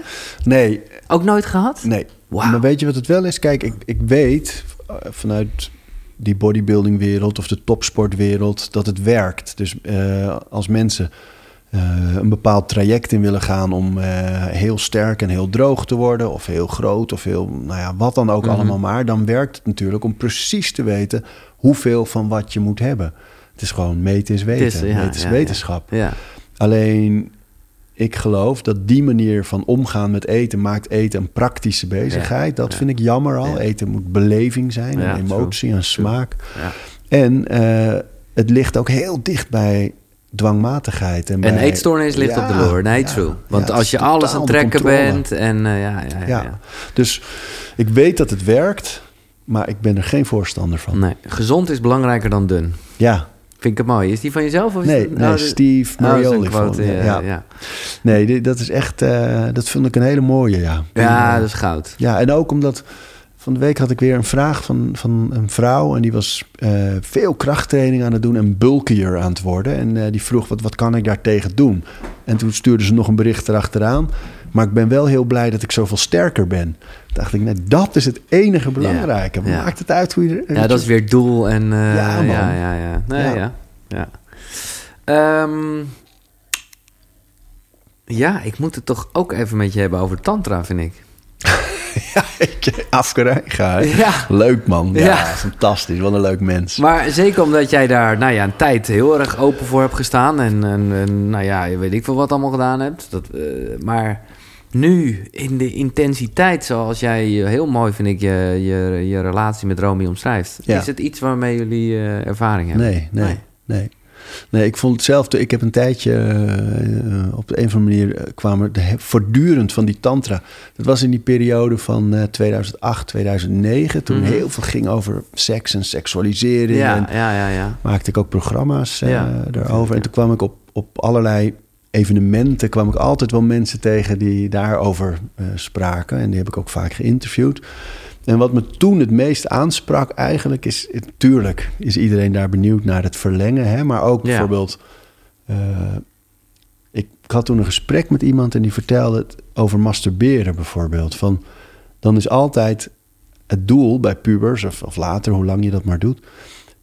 Het doel is om zo snel mogelijk eigenlijk klaar te komen. En dat is zo tegenstrijdig met wat je wil. Ja, Dus dat vond ik het mooiste van Tantra. Dat het je in staat stelt om eh, genot te verlengen. Om eh, niet bezig te zijn met klaarkomen. nee, of een soort einddoel. Nee, exact. Dus ik, ik ben in mijn relatie niet bezig met tantra of cursussen of, eh, of wat dan maar- ook. Maar ik vind het wel heel mooi als je... ehm, dat seks niet gaat over je eigen genot alleen. Nee, en dat het juist gaat over samen, een echte verbinding. En eh, ik merk ook echt dat als wij een beetje gewoon zo, weet je, een paar nachten slecht geslapen en er gebeurt veel en je hebt een beetje zo nukkig gevoel allebei. En eh, als je dan seks hebt, dat je gewoon meteen weer die verbinding voelt en dat het klopt. En eh, ja, fantastisch. Ja, En, en zie jij nog een eh, dingen met sportprestaties? Zo van, ja, ja. Nou ja, ik heb dat wel. oh, er komt een truc in je Nou, ogen. nee, Ik ben heel benieuwd het is? Ik geloof namelijk heel erg wat op vakantie vaak gebeurt. Hè? Dat alle dingen die normaal gesproken je aandacht van de dag vragen... Ja. en je werk en je zorg en je dingen en je afleiding... en de dingen die je moet doen en je agenda... als dat allemaal wegvalt en je bent gewoon lekker samen op vakantie... en je bent de hele dag bloot in de zon en, eh, en er is seks elke dag... dat, dat is een, niet alleen een hele mooie manier van ontspannen... maar ook een, ook een training toch? Ja. Je? Het is heel fysiek en heel... eh, Maar denk je dat je Jan dan juist, eh, om het toch weer even naar de sportschool terug te brengen, meer of minder kilo's zou kunnen tillen? door seks... Ja. Nou, het is vooral uithoudingsvermogen, is en mobiliteit, Ja, toch ja. ook. Wat je Nee, als je het op de sport wil, ja, ja, ja. Ja. Ja, ik denk dat het, dat het die twee eigenlijk meer zijn. Maar ik moet zeggen, ik heb... eh, de, nee, als ik... eh, als wij seks hebben, ben ik daar niet mee bezig Nee. thuis. Nee. Nou ja, Nee. omdat Nee. dat is natuurlijk op een gegeven moment een soort running gag geworden. Ik moest daar vreselijk om lachen dat jij ook. Hè, het, het, het staat ook letterlijk in je boek. Ik heb er echt bij geschreven: dit is nou echt, echt Arie Boomsma. eh, omdat je gewoon dan helemaal ging uitleggen hoe je thuis, zeg maar, eh, allerlei oefeningen kan doen. Ja, ja. Dat, we, dat doe Ja. je toch ook wel echt, of niet? Of ja, niet? ja, je- je- zeker. je- ja, weet je, nee, maar daar gaat het voor mij zo om. Dat mensen denken helemaal in deze tijd van het jaar heel vaak... oké, straks komt januari en eh, dan moet ik gaan afvallen. Ja, en, dan, en dan moet ik dus naar een sportschool een paar dagen in de week. En dan vinden ze dat misschien helemaal niet leuk... maar het moet nou eenmaal. Ja. En dat is niet zo. Het Nee. hoeft niet. Niemand... Dus vindt iets, Iets oprapen is een squat, iets boven je hoofd tillen is gewoon een shoulder press. Ja, ik vond dit Ja. heel gaaf om te lezen, omdat ik dus inmiddels een beetje bekend ben met deze termen als shoulder press en lunge en, en bench press, wat gewoon Ja. iets wegduwen inderdaad is. Ja. Maar die manier kijken naar dat, dat je ineens de koppeling legt tussen wat die bewegingen in de sportschool zijn, de bewegingen die je de hele dag door Ja. maakt, eigenlijk, alleen dan met weerstand. Dat, dat vind ik zo'n mooi inzicht, omdat het ook bijvoorbeeld, nou ja, we hadden het over onze ouders, of jij over je moeder, ik over mijn vader. Ehm, met mijn vader train ik wel eens. En dan train ik eigenlijk, je, je ligt op de grond en je moet opstaan. Ehm, je pakt een gewicht en je moet het op het bovenste plankje leggen. Ja. Ehm, hoe duw je iets weg? Hoe til je iets op? Weet je, op welke bewegingen maak je om, om iets op te tillen of van de grond te rapen? Weet je, gewoon de praktische bewegingen. Kun je nog met twee zware boodschappentassen lopen? Ehm, je core, Ja. je, dat zijn allemaal Ja, zulke ja, praktische dingen. En voor mij, we begonnen het gesprek met we trainen allemaal, maar weet je, waar trainen we dan voor? En ik denk, een training moet ondersteunend zijn aan je leven. Dus je moet nadenken over, als mijn leven de topsport is, welke Ja. training heb ik dan nodig om dat leven optimaal te leven? En dat vind ik zo'n mooie gedachte en daar wordt het leuk. Ja. Dan ga je nadenken, hé, hey, ik zit veel, dus ik moet misschien compenseren. Of ik, ik werk op een toetsenbord, dus ik moet misschien grote bewegingen maken en soepel. Ehm, en nadenken over je core, je uithoudingsvermogen. Van wat stelt mij in staat om het leven te leven dat ik wil leven? En welke training heb ik daarvoor nodig? Je traint Ja. om, voor het leven, ja, dat Ja, is gewoon ja. wat het is. Ja. En welke spelletjes, want daar, de, wat noemen ze drie spelletjes die jij zelf speelt? Ja, Als in... als in, nou ja, nee, nee ik ben waren klaar met Oh, tantra, hè? oh, oh, je Ja. bedoelt, je doe het met jou, zoals puzzels en zo. Ja, nee, ja, dat. Nee, maar ik bedoel eigenlijk gewoon eh, fietsen zonder zadel. eh, of nee, niet zonder. Nee, sorry. Het- Nee, nu zeg ik het heel verkeerd. Ja, Ik- oh ik- ja, nee, zeker. Ja. Nee, dat, ja, dat gaat over een stukje dat je de dingen die je elke dag doet eigenlijk tot een spel kan maken. Ja, en, dat eh, en één daarvan is inderdaad, nou ja, als je fietst naar je werk, dat je gewoon elke dag een andere route pakt. Ja. Of dat je de route zoekt met de minste verkeerslichten. Of dat je kijkt of je het hele stuk staand kan fietsen. Die bedoelde jij Ja, nu volgens ja, die mij. ik, Fietsen ja. zonder op je zadel te zitten. Eh, dat zijn hele leuke dingetjes om in te bouwen. De dingen die je toch al doet, leuk te maken. En eh En daarmee dus ook weer eh, extra te trainen. spelelement, Eh, ja. Kijk, spelelement, kijk ja. maar eens als je durft. eh, van, je neemt de trap op je werk en je moet vier, vijf verdiepingen. En eh, ja, ga jezelf maar timen. Ja, ja, je gaat jezelf erop betrappen dat je op een gegeven moment toch gaat rennen en bezweet heerlijk. aankomt. Maar het zijn leuke dingen om, ja, om gewoon te, eh, een, een spel te maken van het leven eigenlijk. Ja, precies. Nee, plezier te hebben. En dat puzzelen, jij noemde dat even, dat doe je dus ook echt. Ik ben helemaal niet zo van het puzzelen, maar Ik- je ik was dat dus ook niet meer. Nee, ik zie mijn moeder dat altijd wel doen en dan... Ik, het, het gekke is, dat geeft me dan altijd wel een soort fijn gevoel. Want dan Ja, denk ik, oké mam, Ja. dat, dat denk ik alleen, Ja, maar dat zeg bent- ik niet. ja. Precies, dan is ze gewoon met de mind bezig en... Nou, dat is beter dan alleen maar eh, televisie kijken en een beetje bang worden. Ja, dat zijn die kruiswoordpuzzels waar je echt over na moet denken. Maar ik, ik hoorde in een podcast bij Tim Ferriss ehm, Hugh Jackman, de acteur. En die heeft dus echt als hobby eh, puzzelen. Maar dan maakt hij, hij heeft een, een of andere service online, die kan je gewoon vinden. Maakt hij een foto, die foto stuurt hij op naar die site... en dan krijgt hij dat in een puzzel van Oh, zo puzzelen, 2000 puzzelen. stukjes. Ja, ja, ja. Puzzelstukjes. En dat vindt hij meditatie. Ja, Dus dat is het die is natuurlijk. weken bezig met, met, met een puzzel, weet je. En Nou, er is in gewoon- coronatijd veel gebeurd, begreep ik. Ja, man. Heb prachtig. je het ook gedaan? Nee, nee, nee, nee, nee, nee. nee, maar ik geloof wel heel erg in dat type alternatief op meditatie. Dus als je dan niet misschien het in je hebt om, eh, om stil te zijn en meditatie is hard werken, dan kan je misschien wel zo'n puzzel leggen en stil zijn en nadenken. En eh, ja, Ja. dat is ook meditatie. Zie jij verschil in, in meditatie en hè, eerder had je het over ademen? Ja, ik vind het soms, ik, ik, ja, ik kijk wel een beetje per keer eigenlijk, moet ik eerlijk zeggen. Nee, er zijn ook momenten dat ik gewoon alleen maar denk, oké, ik ga alleen maar op mijn ademhaling letten. Eh, en dan gebruik ik dat echt een beetje als tool om rustig te worden of juist energiek. Ja, eigenlijk kan je dat, dat niet echt mediteren noemen. Nou, Maar snap je, het, het, het, het kruist elkaar toch een beetje? ja, totaal. Ja, Ik doe ook meestal dat hoor. M- Mijn meditatie is meestal ademhaling. ja. En eh, ik tel mijn ademhaling zodat ik niet aan allerlei andere dingen denk. Nee, precies. En als ik soms doe ik meditatie echt zoals Johnny Cash uh, meditate on it zei met zijn liedjes. Ja, even voor gaan zitten ergens. Ja, is dat je lekker. echt hè? even over één ding. Ja. En dat je als je afdwaalt, dat je denkt, oké, ik dwaal af, Ja, ja, ja, ja. terug. ja. Heerlijk. We gaan naar de vragen van eh, kijkers, wilde ik zeggen. Dat is lekker ouderwets, de kijkersvragen. Eh, Kijkbuiskinderen. De kijkbuiskinderen. Eh, de vragen die binnen zijn gekomen via Instagram, ik heb geen idee. Jeannette, nou ja, Jeannette, we hebben het erover gehad. Eh, ben je nog christelijk? Ja, zeker. Ja. Ik, heb, ik vind het altijd moeilijk ergens bij te horen. Dus ik eh, ga ook niet naar één kerk of zo. en, je gaat wel naar een kerk. Niet vaak. Nee. Als mijn vader bij ons in de buurt preekt nog eens, dan eh, ga ik graag. en ik luister dus graag eh, naar hem. Families op. Oh. En ik woon nu in de buurt van Baanbrugge, waar mijn vader ooit, ooit als eerst dominee was. En eh, dus ik denk als die coronaperiode voorbij is, dat ik met kinderen en mijn vrouw eh, af en toe Ja, daar naar de kerk ga. En, want ik hou wel heel erg van die hele routine.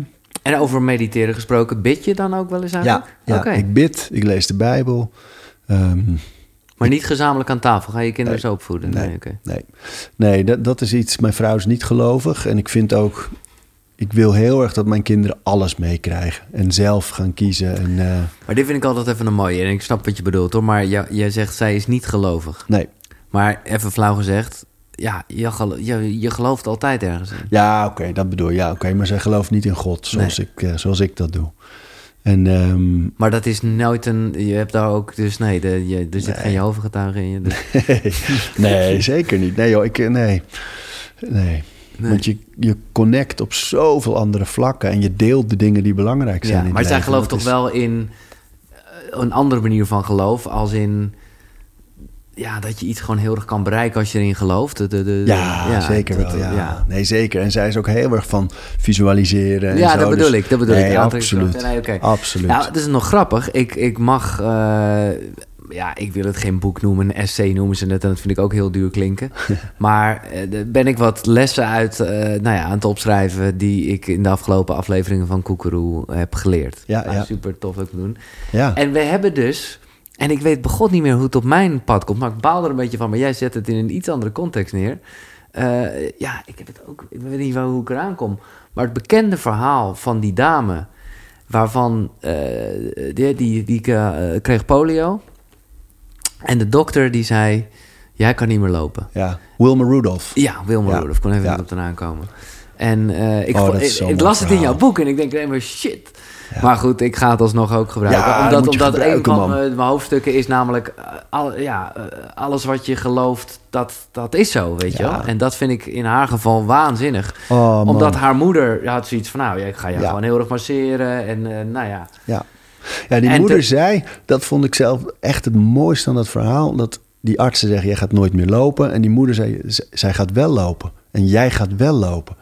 Nou, hup, lopen. En op een gegeven moment mag die brace af. Ja. En nu wil ik basketballen. Nee, zei hij, ja, jij gaat nooit basketballen. En die moeder zei, jij gaat wel basketballen. En na het basketbal atletiek en Olympische Spelen gewonnen. Gouden medailles. drie keer goud. En dan vraagt die journalisten, hoe kan dat nou? En dat ze dan zegt, koos ervoor mijn moeder te geloven. Nou jongen, Ja. dat is echt... eh, Fantastisch, hè? Oh, Ja, het heerlijk, eh, ja. Wel een dramatisch einde trouwens. Ja, dat las ik in jouw boek inderdaad. Dat. Toen dacht ik nog, nou, dat ga ik skippen. Nou ja, of niet. Want Nee. weet je wat ik zo mooi vond eraan? Dat oké, dan alles wat ze kiest te geloven gebeurt. En toen kreeg ze een ernstige vorm van kanker. En daar is ze uiteindelijk ook echt ergens in de 50 of zo aan overleden. Dus dat is. Maar eh, dan zie je, het leven is ook gewoon willekeur. Ja. En ik vermoed Nee. dat zij ook toen gedacht heeft: dit ga ik overwinnen. En het, zo is het niet altijd. er zijn grenzen. Ja, waarbij ze nog steeds wel meer gepresteerd heeft. Ja, of- man, zo'n mooi verhaal. Zo mooi. Eh, voedingsweetjes. Nou, die wil dan ook gelijk even een voedingsweetje weten. Wat is je favoriete eiwitbron?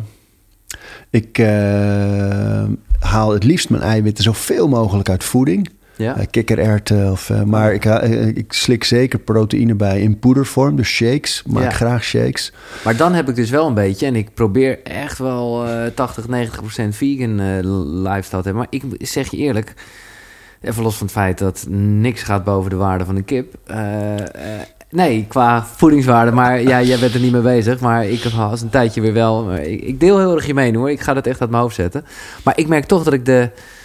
nou ja, de niet-vegan eiwitshakes toch beter vindt of zo. Ja, lekkerder. Nou, Nou, lekkerder, Of neem je ze ja. beter op ook. Ja, nou, zou dat weet, dat weet ik natuurlijk eigenlijk niet. Het gaat eigenlijk om lekkerder. Je Ja, maar ik, doe, eh, ik, ik neem kikkererwtenproteïne of hennep. Oh, proteïne. Ja, ja, en eh, ik, meng ze wel met. Dus ik doe bijvoorbeeld als ik die proteïne doe, doe ik een beetje spinazie, eh, een beetje bevroren mango, een beetje banaan. Daar maak ik echt wel een feestje van. Ja, ja. Ehm, ik kan ook wel, ik vind ook dat je een knop moet om kunnen zetten. Dus ik kan hem ook gewoon in water roeren en eh, klok, klok, klok, Ja, ja, gewoon ja. maar beslissen. Ik ga het nu nemen omdat ik het nodig heb. Maar het hoeft niet Maar lekker wel te dus zijn. met natuurlijke eiwitten? Ja. Oké. Ja, ik neem geen whey of... eh, Nee, Als het ergens alleen maar dat is, dan weet Dan je, ik ben niet zo dus- rigide ja, hoor. nee, Maar liever niet. Dus wat is eigenlijk eh, de, het antwoord op de vraag? Wat is je favoriete eiwitbron? Eh kikkererwtenproteïne. Kikker. Oké. Ja. Eh, hoe combineer je je doelen met het gezinsleven zodat je er toch alles uithaalt en zorgt dat, dat je je focus houdt op de dingen die echt belangrijk zijn? Nou, dat is wel, ik zou zeggen, eh Gerco, lees het boek. Of nou ja, ik, mag ik hem het boek eh, geven? Ja, leuk. Ja, Ja, ja. ik wilde sowieso een paar weggeven op de Ja, site. Maar ik vind deze vragen... Nee, je mag geef er vooral antwoord op. Maar dat is, dat is ongeveer waar volhard... Ja, daar gaat over het gaat. over. Ja, het, uiteindelijk gaat het altijd over: dit is je omgeving, dit is je leven. Welke dingen moet je zo aanpassen dat je gewoontes kan ontwikkelen die op je doel gericht zijn? Ja, dat is helemaal waar het over gaat. Ja. Ja. Nee, maar leuk, geeft een paar weg. Ja, Ja, top, leuk. En eh, Mary, ik denk dat we het een beetje al behandeld hebben hoor. Maar toch, ik stel een vraag voor haar. Hoe ga je om met kritiek? Ehm, nou ja, ik heb in mijn leven wel geleerd dat alles wat ik doe heeft mensen die het heel leuk vinden en ook mensen die het niet leuk vinden. En het kost mij niet meer veel moeite om. Heb je dat eh, moeten leren? Ja, Ja. Ik heb het eigenlijk het meest geleerd toen ik bij de EO eh, op een gegeven moment geschorst was. En het was allemaal groot en veel media. En toen merkte ik gewoon heel sterk: oké, ik heb niet zo heel veel invloed op wat mensen vinden. Nee. En eh, ik moet echt zorgen dat ik mijn eigen koers bepaal en daaraan vasthoud. En dan zullen er dus mensen zijn die dat leuk vinden. En ook mensen die het stom vinden. En die mij stom vinden of Ja. mij leuk vinden. Daar heb ik allemaal niet zoveel invloed op. nee, nou sterker nog, ik vind het goed dat je dit noemt. In beide gevallen is het, eh, kan het je van je koers afbrengen. Ja, ja. Hè, dat bedoel, de complimenten kunnen er ook Ja, voor... eh, ja. ja, want kijk maar. Ik bedoel, neem het hele fenomeen Instagram. Van je kan heel erg na gaan denken over wat mensen willen zien en waar je veel likes op krijgt. ja. Als je daarop afgaat, dan hebben die mensen dus de, de invloed eigenlijk op jouw koers. Ehm, ik denk, je moet het gewoon zo dicht mogelijk Ja. bijhouden. En dus ja, ik post ook wel eens iets over poëzie. Nou ja, er gaan niet veel likes op komen. Nee. Maar ik vind het wel heel mooi. Ja, ja, ja. En het, het hoort bij me. Ja. Eh, maar eh, we hebben het even over gehad met, met Joep en Veronica Insight en zo. Eh, niks menselijks is jou vreemd, dus dat kan je natuurlijk ook nog wel af en toe raken. Ja, tuurlijk man. Ja, ik, die hele rel met Veronica Inside vond ik wel echt vervelend. Vooral ook omdat op een gegeven moment gaat het over iets dat niet meer Gaat om, om mij gaat. nee, ja, dit is dan ineens is het alsof ik eh, adverteerders op had gebeld of dat Nee, soort krankzinnige weet Nee, je, op een gegeven moment gaat het om jou, terwijl het helemaal niet om jou ging. Alleen jij, Ja, nou ja, dapper genoeg was om wel even te zeggen... maar moet- Nederlands we elftal willen? kwam erover. Weet, Nederlands elftal deed hetzelfde en allerlei zangeressen en Anouk en Glennis Grace. En op de een of andere manier bleef het aan mij kleven en Ja. niet aan al die anderen. Dat was Ja. heel gek eigenlijk. En dan, dan is het wel eens moeilijk. Ja, Zie het maar, maar als een compliment. ja, ja. En, maar dat, Ah joh, vormen van onrust. Dat is ook wel weer... Ja. En dan, en ik weet het antwoord, maar ik ga er toch iets dieper op door dan ik je voorheen eh, over heb horen praten. Maar dat is altijd het einde van deze podcast. Dat is de dood. hmm. Want ik vind jou daar een beetje makkelijk over doen. Oh, Ja, nee, maar dan hoor ik je zeggen, nee, ik geloof niet in een... Giel komt hier nog even Nee, op. maar dat is, nee, dan denk ik, ja, maar het is gewoon iets. Dat, ja, nou ja. eh, eh, natuurlijk, eh, althans, ik begrijp heel erg dat je niet gelooft in een uh, hiernamaals. Nee. Nou ja, je niet gelooft, ik weet het niet. Nee. En, dat vind het een abstract gegeven. Ik Ja. vind... Nou ja, jij doelt op eh, een gesprek dat ik had met, met Thijs, denk ik. Ja, Ook ja, maar ook bij eindbazen. En, Oh eh, het kwam bij allemaal ter sprake. Oh, En ik dacht bij allemaal, ik denk, ja, Ja. zo kom je er bij mij niet meer weg. nou ja, weet je wat het is? ik, ik vind het gewoon zo... eh, Kijk, we weten het niet. Oké, dat snap Nee. ik. Maar je, je hebt... Je, je, maar ik ben er ook niet bang voor. Totaal En- niet bang. nee. Maar dat, dat vind ik ook gek. Ik bedoel, je bent vader van drie kinderen. Nou ja, ik zou het heel erg vinden en heel jammer... Nu, hè, Ja. nu, eh, nu ik levend ben, Ja. daarover na. Maar dat is het dus. Als, ja, ik heb Nee, er niks ja. van te vinden. En Nee. En eh, eh, ja, wat ik vaak zeg als het over de dood gaat wel... is dat mijn vader, die zijn vader op heel jonge leeftijd verloor... die was drie... Ehm, die vindt het heel mooi, die hiernamaals gedachte... van dat er dan een moment is dat hij met zijn vader kan praten eindelijk, weet je wel? En dat vind ik zo mooi eraan. Dat, dus daar denk ik ook wel eens over na. Dat het, het hiernamaals iets is waar dingen zijn zoals je eigenlijk zou willen dat ze nu zijn al. Dat vind ik heel mooi. Alleen, ik vind het zo abstract. En ik, ik geloof helemaal niet in ook dat er een plek is waar sommige mensen dan wel heen mogen en anderen niet. Dus daar wil ik vanaf. Ja. Maar ik geloof wel in de spirituele wereld. Dus ik geloof ook echt wel dat er een, nog een, een, een ja, een, Nee, hoe moet je precies. het noemen, dimensie is Oké, die maar we hier niet kennen meer en van niet weten. begrijpen. Nee, oké. Ja, ja. Maar je zit daar toch wel eens over te filosoferen. Tuurlijk. Ja, oké. Ja, dus wat is nu... En ik snap, we weten het niet. Nee. Maar als je dan toch even hier een beetje mag speculeren... waarvan je denkt, of misschien een beetje hoopt... maar waar, waar je vooral denkt Ja, wat het inhoudt. Wat is het dan? nou dan hoop ik wel en denk ik wel. Ik denk wel dat de ziel doorleeft. Ik denk zelfs ook misschien wel dat de ziel hiervoor ook al was.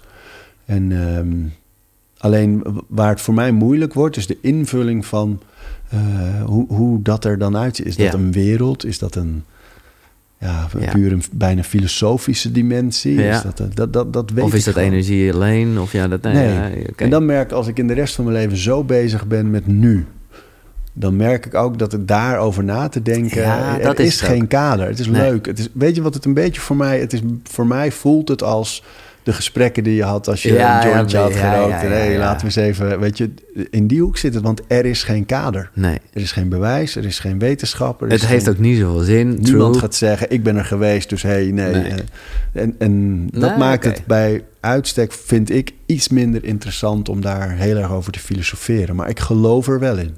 Ja. Ja. En hoe wil je herinnerd worden? Aandachtig, dat ik, dat ik aandacht had. Ja. Ja, nee, bedoel ik niet dat ik aandacht kreeg, maar aandacht had. Ik snap hem heel erg. Voor de dingen die ik doe, voor de mensen om me heen, voor aanwezig zijn, voor...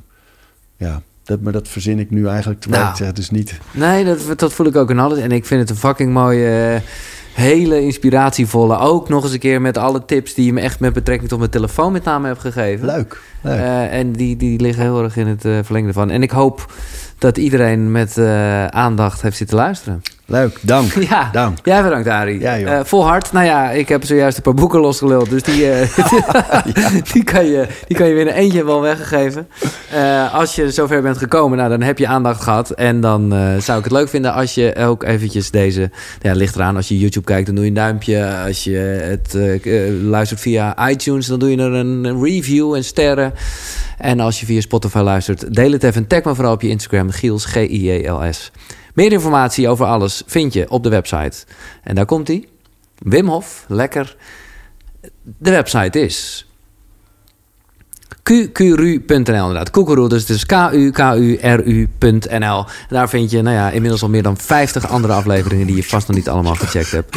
Eh, ik zeg bedankt. Eh, graag tot de volgende. Hoi.